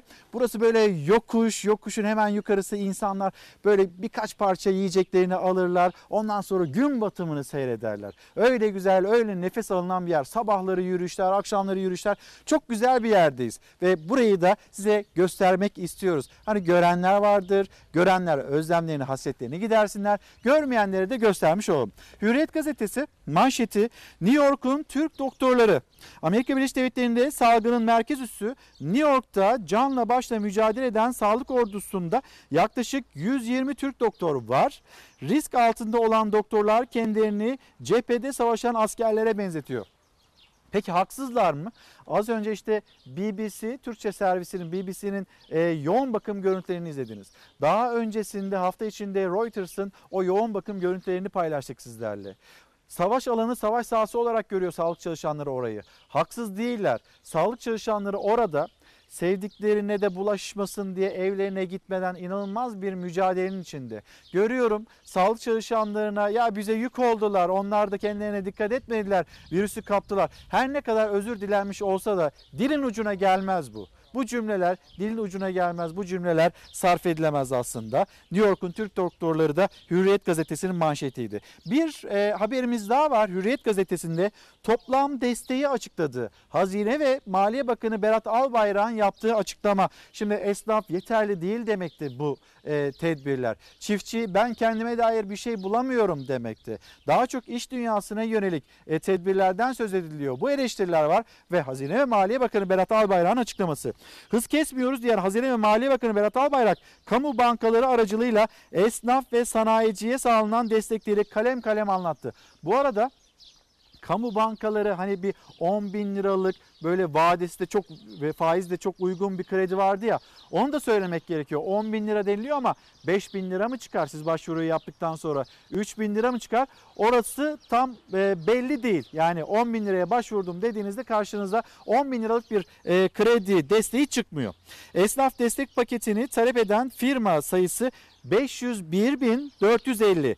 Kredi alan esnaf sayısı 335.721. E, paraf ticari karta 131.064 talep geldi. 126.665 tahsis yapıldı. E, işte devam desteğine 92.469 firma başvurdu. 69.903 firmaya kredi verildiğini söylüyor. Hazine ve Maliye Bakanı 66.000 düzelteyim 66.903 firma toplam desteği açıklıyor ve hız kesmeden de bu desteklerimizi sürdüreceğiz demekte. Şimdi yeniden koronavirüs o gündeme döneceğiz. Dün izleyebildiyseniz Burak Akkul ve e, eşi Seda Akkul. Burak Akkul e, bizim mesleki büyüğümüz. Kendisi bir e, gezi programının sunucusu. Çalar Saat hafta sonunda ağırladı. Kendilerinin soruları da vardı. Alpay Hoca'ya sorma imkanına da kavuştular. Biz onları dinlemek istedik. Hani yoğun bakımı gösteriyoruz ya bu hastalığı, bu mücadeleyi e, vermiş ve kazanmış bir kişi Burak Akkul. Onun söyleyecekleri çok önemliydi, çok değerliydi. Neler yaşamıştı acaba o yoğun bakım servisinde onları anlattı. Lütfen evden dışarı çıkmayı düşünüyorsanız ya sıkıldım, bunaldım, istemiyorum, aman bana bir şey olmaz diyorsanız lütfen Burak Akkul'u ve Seda Akkul'u bir dinleyin öksürmeye başladım, ateşlendim. Biz de yine işte bademcik demek ki diye düşündük. Belirti ortaya çıkınca erkenden hastaneye yönlendirilen hastalarda başlanan tedavinin etkisini somut olarak gördük. Sağlık Bakanı Fahrettin Koca hayati uyarısını yineledi. Koronavirüsten şüphelenenlerin vakit kaybetmemesini istedi. Çünkü erken teşhis hem hasta için hem de salgının yayılmasının önlenmesi için çok önemli. Program yapımcısı Burak Akkul da hastalığı uzun süre yoğun bakımda kalarak yenenlerden. Önce bademcik iltihabı sandı, teşhis günler sonra konuldu. Eşiyle birlikte Çalar Saat hafta sonunda İlker Karagöz'ün konuydu. Ben 21 gün entübe kaldım efendim. Bu en uzun entübe süresi zaten. 3 hafta boyunca solunum cihazı olmadan nefes alamadı Burak Akkul. Yoğun bakımdaydı. Sonunda hastalığı yendi ve taburcu oldu. Hastalığa ise Londra'da havalimanında yakalanmıştı. O dönem virüs İngiltere'de fazla yaygın olmadığı için teşhis geç konuldu. Londra'da 38-39 dereceye kadar çıktı. Buran daha önceden de geçirdiği bir tek bademcik iltihabı var.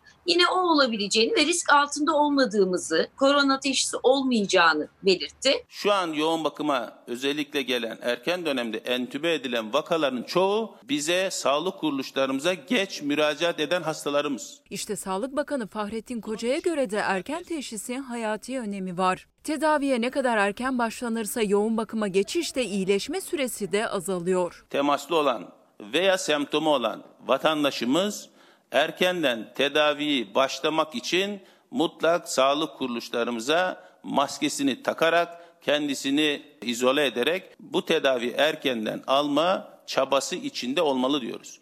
Çünkü erken dönemde tedavi başlamanın zatürreye dönüşümünü azalttığını, devamında yoğun bakıma geçişini azalttığını biliyoruz. Elbette tüm bu süreç virüse yakalandıktan sonrası için. Virüse yakalanmamaksa en önemlisi. Yoğun bakımda geçen bir günü değil, bir dakikayı bile hissetseniz, bilseniz, siz orada olsanız ya da şahit olsanız değil evden adım atmak burnunuzun ucunu çıkarmazsınız. Evet. Gelecek nesillere mesajım. Büyük büyük torunum merhaba. Umarım oradasınızdır. Çünkü biz burada her şeyi mahvettik. Ülkede çok iyi bir yer değil burası. Yaşayabileceğimizi hiç düşünmediğimiz bir şeyin içindeyiz. Doğayı tahrip eden insan bugünlere geldi ve gözle görülmeyen bir düşmanla mücadele etmek zorunda kalıyor. Bir virüs salgınıyla karşı karşıyayız. Yani. Bir aydır karantina altındayız. Dışarı bakıp ne yaptık diye soruyorum. Peşinden bu kadar ihtirasla koşulacak pek de bir şeyin olmadığını göstermiş oldu. Kocaman bir toplumu ne kadar yanlış inşa ettiğimizle ilgili çok güzel dersler verdi. 100 bin yıldır bu gezegendeyiz Hiçbir sistemimiz işe yaramıyor. Defalarca denedik. Bu meyve çilek. Bilmiyorum. Bunu izlediğiniz zaman da bu kalacak mı? Geçmiş kuşakların tecrübelerini dinleyin. Ama hayatınızı kendiniz yaşayın. Yeryüzündeki tüm canlılara saygı duyun. Bu dünyanın bize söylemeye çalıştığı bir şey var. Sezgilerinizi kullanın. Çünkü bir insanın kimseye bağımlı olmadan yaşayabilmesinin en büyük sırrı burada. Aşık olun, sevin, öpüşün, el ele tutuşup dünyayı gezin. Tüm sarılmaların hakkını ver. Öpücüklerin, vapur yolculuklarının, pikniklerin. Kimsenin aklına gelmemiş bir şey söyleyeceğim. Kitap okuyun. Hayatı dilediğiniz gibi yaşayın. Hırsların peşine kapılıp gitmeyin. Empati kurun. Empati çok önemli. Bilime inanın. Zamanınızı iyi harcayın. Bunun da tek yolu anı yaşayabilmek. Her yaşın kendi zorlukları olacaktır. Ee, o yüzden hata yapmaktan çekinmeyin. Daha çok deneyelim, daha çok yanılalım. İnsanlara, olaylara, durumlara, Herkese, her şeye ama öncelikle kendine sevgiyle bakabilmen dileğimle. İyilik hep var. İnsanlar dil, din, ırk ve cinsiyetle ayrılmamalıdır. Herkesin dünyaya düşen meteorda eşit olduğunu görüyoruz. İnsan olabilmenin temelinde sorumluluk almak yatıyor. Paylaşın. Lütfen. Umarım bu videonun ulaştığı en uzak gelecek bugünden daha iyi bir yerdir. Toprak, güneş ve ben. Bahtiyar. Seni seviyorum dünya. Şöyle bir içiniz açılsın istiyoruz. İşte görüyorsunuz Ankara, Ankara Seymenler Parkı. Seymenler Parkı'nda o ağaç, o ağacın altı yavaş yavaş böyle altına küçük küçük o meyvenin yaprakları, baharın müjdesi yaprakların küçük küçük düşüşü. Arılar, arılar böyle ağacın etrafında. Bir bahar, bir baharın uyandığını görüyoruz. Bir baharın uyandığına tanıklık ediyoruz ama biz o büyük baharı bu zor günler geçtikten sonra kucaklayacağız. Lütfen unutmayın. Şimdi Karar Gazetesi, Karar Gazetesi'nin manşetini de hemen aktaralım sizlere. Nedir? Zor ama başka çaresi yok. Haklısınız. Zor, evde kalmak zor. Ee, çocuklar için zor, büyüklerimiz için zor. Nefes almak istiyorsunuz. Haklısınız. Hepimiz için öyle. Zor ama başka çaresi yok. Sokağa çıkma yasağı, Belki adı böyle olabilir. Ya da bir takım kısıtlamalar böyle de değerlendirilebilir. Ama bunu yapmak durumundayız. Şimdi hafta sonları iki gün sokağa çıkma yasağı e, bu ne kadar faydalı? Eldeki verilere baktığımızda şu an için olumlu sonuçlar verdiğini söylemek mümkün. Galiba bu önümüzdeki günlerde de devam edecek gibi. Şimdi 23 Nisan haftası Perşembe'ye denk geliyor. 23 Nisan, 24 Nisan. Sonra o 4 gün acaba birleşir mi birleşmez mi? Biz bu hafta bilim kurulunun bunu ele almasını değerlendirmesini bekliyoruz. Ama tabii önümüzde Ramazan, Ramazan alışverişi, bu Ramazan alışverişi nedeniyle böyle bir uygulamaya gidilmeyebilir mi? Yani sadece cumartesi ve pazar günüyle sınırlı kalabilir mi sokağa çıkma yasağı? Evet bu da mümkündür. Peki sokağa çıkma yasağı çok başarılı bir yöntem mi e, diye sorduğumuzda evet diyenler kadar hayır diyenler var. Bilim kurulu içinde de var mesela. Sokağa çıkma yasağı ilan ediyorsunuz. İnsanlar iki gün evde. Sokağa çıkma yasağı ilanı kalktı diyorsunuz ki İstanbul'da geçen hafta 23.59'da bu oldu. 00.00'da insanlar araçlarını atladı konvoyu yaptı. Sokağa çıkma yasağı bitti diye. Yani bunların da olmaması gerekiyor. Hurra bir sokağa çıkma yasağı evlere kapanıyoruz. Sonra herkes hadi bakalım çıkıyor sokağa. Burada bir dengenin olması gerekiyor. Kısıtlamaların daha dikkatli gitmesi gerekiyor. Kısıtlamalar, kısıtlamaların ekonomiye etkisi var. Önümüzdeki süreci anlamaya, kestirmeye çalışan sektörlerden bir tanesi kuşkusuz turizm ve turizm sektörü sizce ne zaman başlar? Başlayabilir mi? İşte bununla ilgili Turizm Bakanı'nın yaptığı açıklamalar. İç turizm trafiği açısından uygulanan e, toplum disiplini hiç bozulmadan devam ederse Mayıs sonuna doğru hiçbir sıkıntı yaşanmadan turizm hareketinin başlayacağına eminim. Normalleşme sürecine yönelik önemli bir açıklama da NTV'ye konuşan Kültür ve Turizm Bakanı Mehmet Nuri Ersoy'dan geldi. Bakan Ersoy, turizm sezonunun açılışı için Mayıs sonunu işaret etti ve güvenli tesis sertifikası olan tesislerin açılacağını söyledi. Oteller, havalimanları, restoranlar, acentalar, müze ve öğren yerleri bütün bunlar bizim tesis olarak sınıflandırabileceğimiz yerler. E burada da alan sterilizasyonu çok çok önemli. Mekanların güvenli mesafe standartlarına göre düzenlenmiş olması, sağlık personeli ve ekipmanının bulundurulması, termal kontrol sistemleri ve sterilize geçmiş 30 gün ve görevli personelin bağışıklık ve pandemi eğitimi belgelerinin alınması gibi bir dizi önlemler var. Tesislerde alınan önlemler yetmiyor. İşletmelerin ulaşım ağlarının da güvenliği önemli. Araçların sterilizasyonu, araç personelinin bağışıklık belgesi, personelin pandemi eğitimi alması şart. Turistik ilçe bazında sağlık altyapısı haritasını çıkarıyoruz. Hastane, ne kadar yoğun bakım yatak kapasitesi var, ne kadar ventilatör kapasitesi var. Bunu da bütün tur operatörlerine onayına sunacağız. Yani altyapımızın belgelendirilmesi lazım. Güvenli tesis sertifikasının uluslararası geçerliliği de olacak ve böylece tesisler yurt dışından turist ağırlayacak. İlk etapta Asya ülkeleri açılır diye düşünüyorum. İkinci aşamada Almanya ve Avusturya, Orta Avrupa ülkeleri ve bazı Kuzey Avrupa ülkeleri hızlı toparlıyor. Onlar Haziran'ın ortasından sonra Hı hı. aşamalı bir şekilde açılır diye düşünüyorum. Koronavirüsle mücadele kapsamında kapanan ya da hizmete girmesi ertelenen tesislerde çalışanlar için de kısa çalışma ödeneği devredeydi. Bakan Mehmet Nuri Ersoy, turistik tesislerde çalışanlar için kısa çalışma ödeneğinden maaşların 5 Mayıs'ta ödeneceğini söyledi.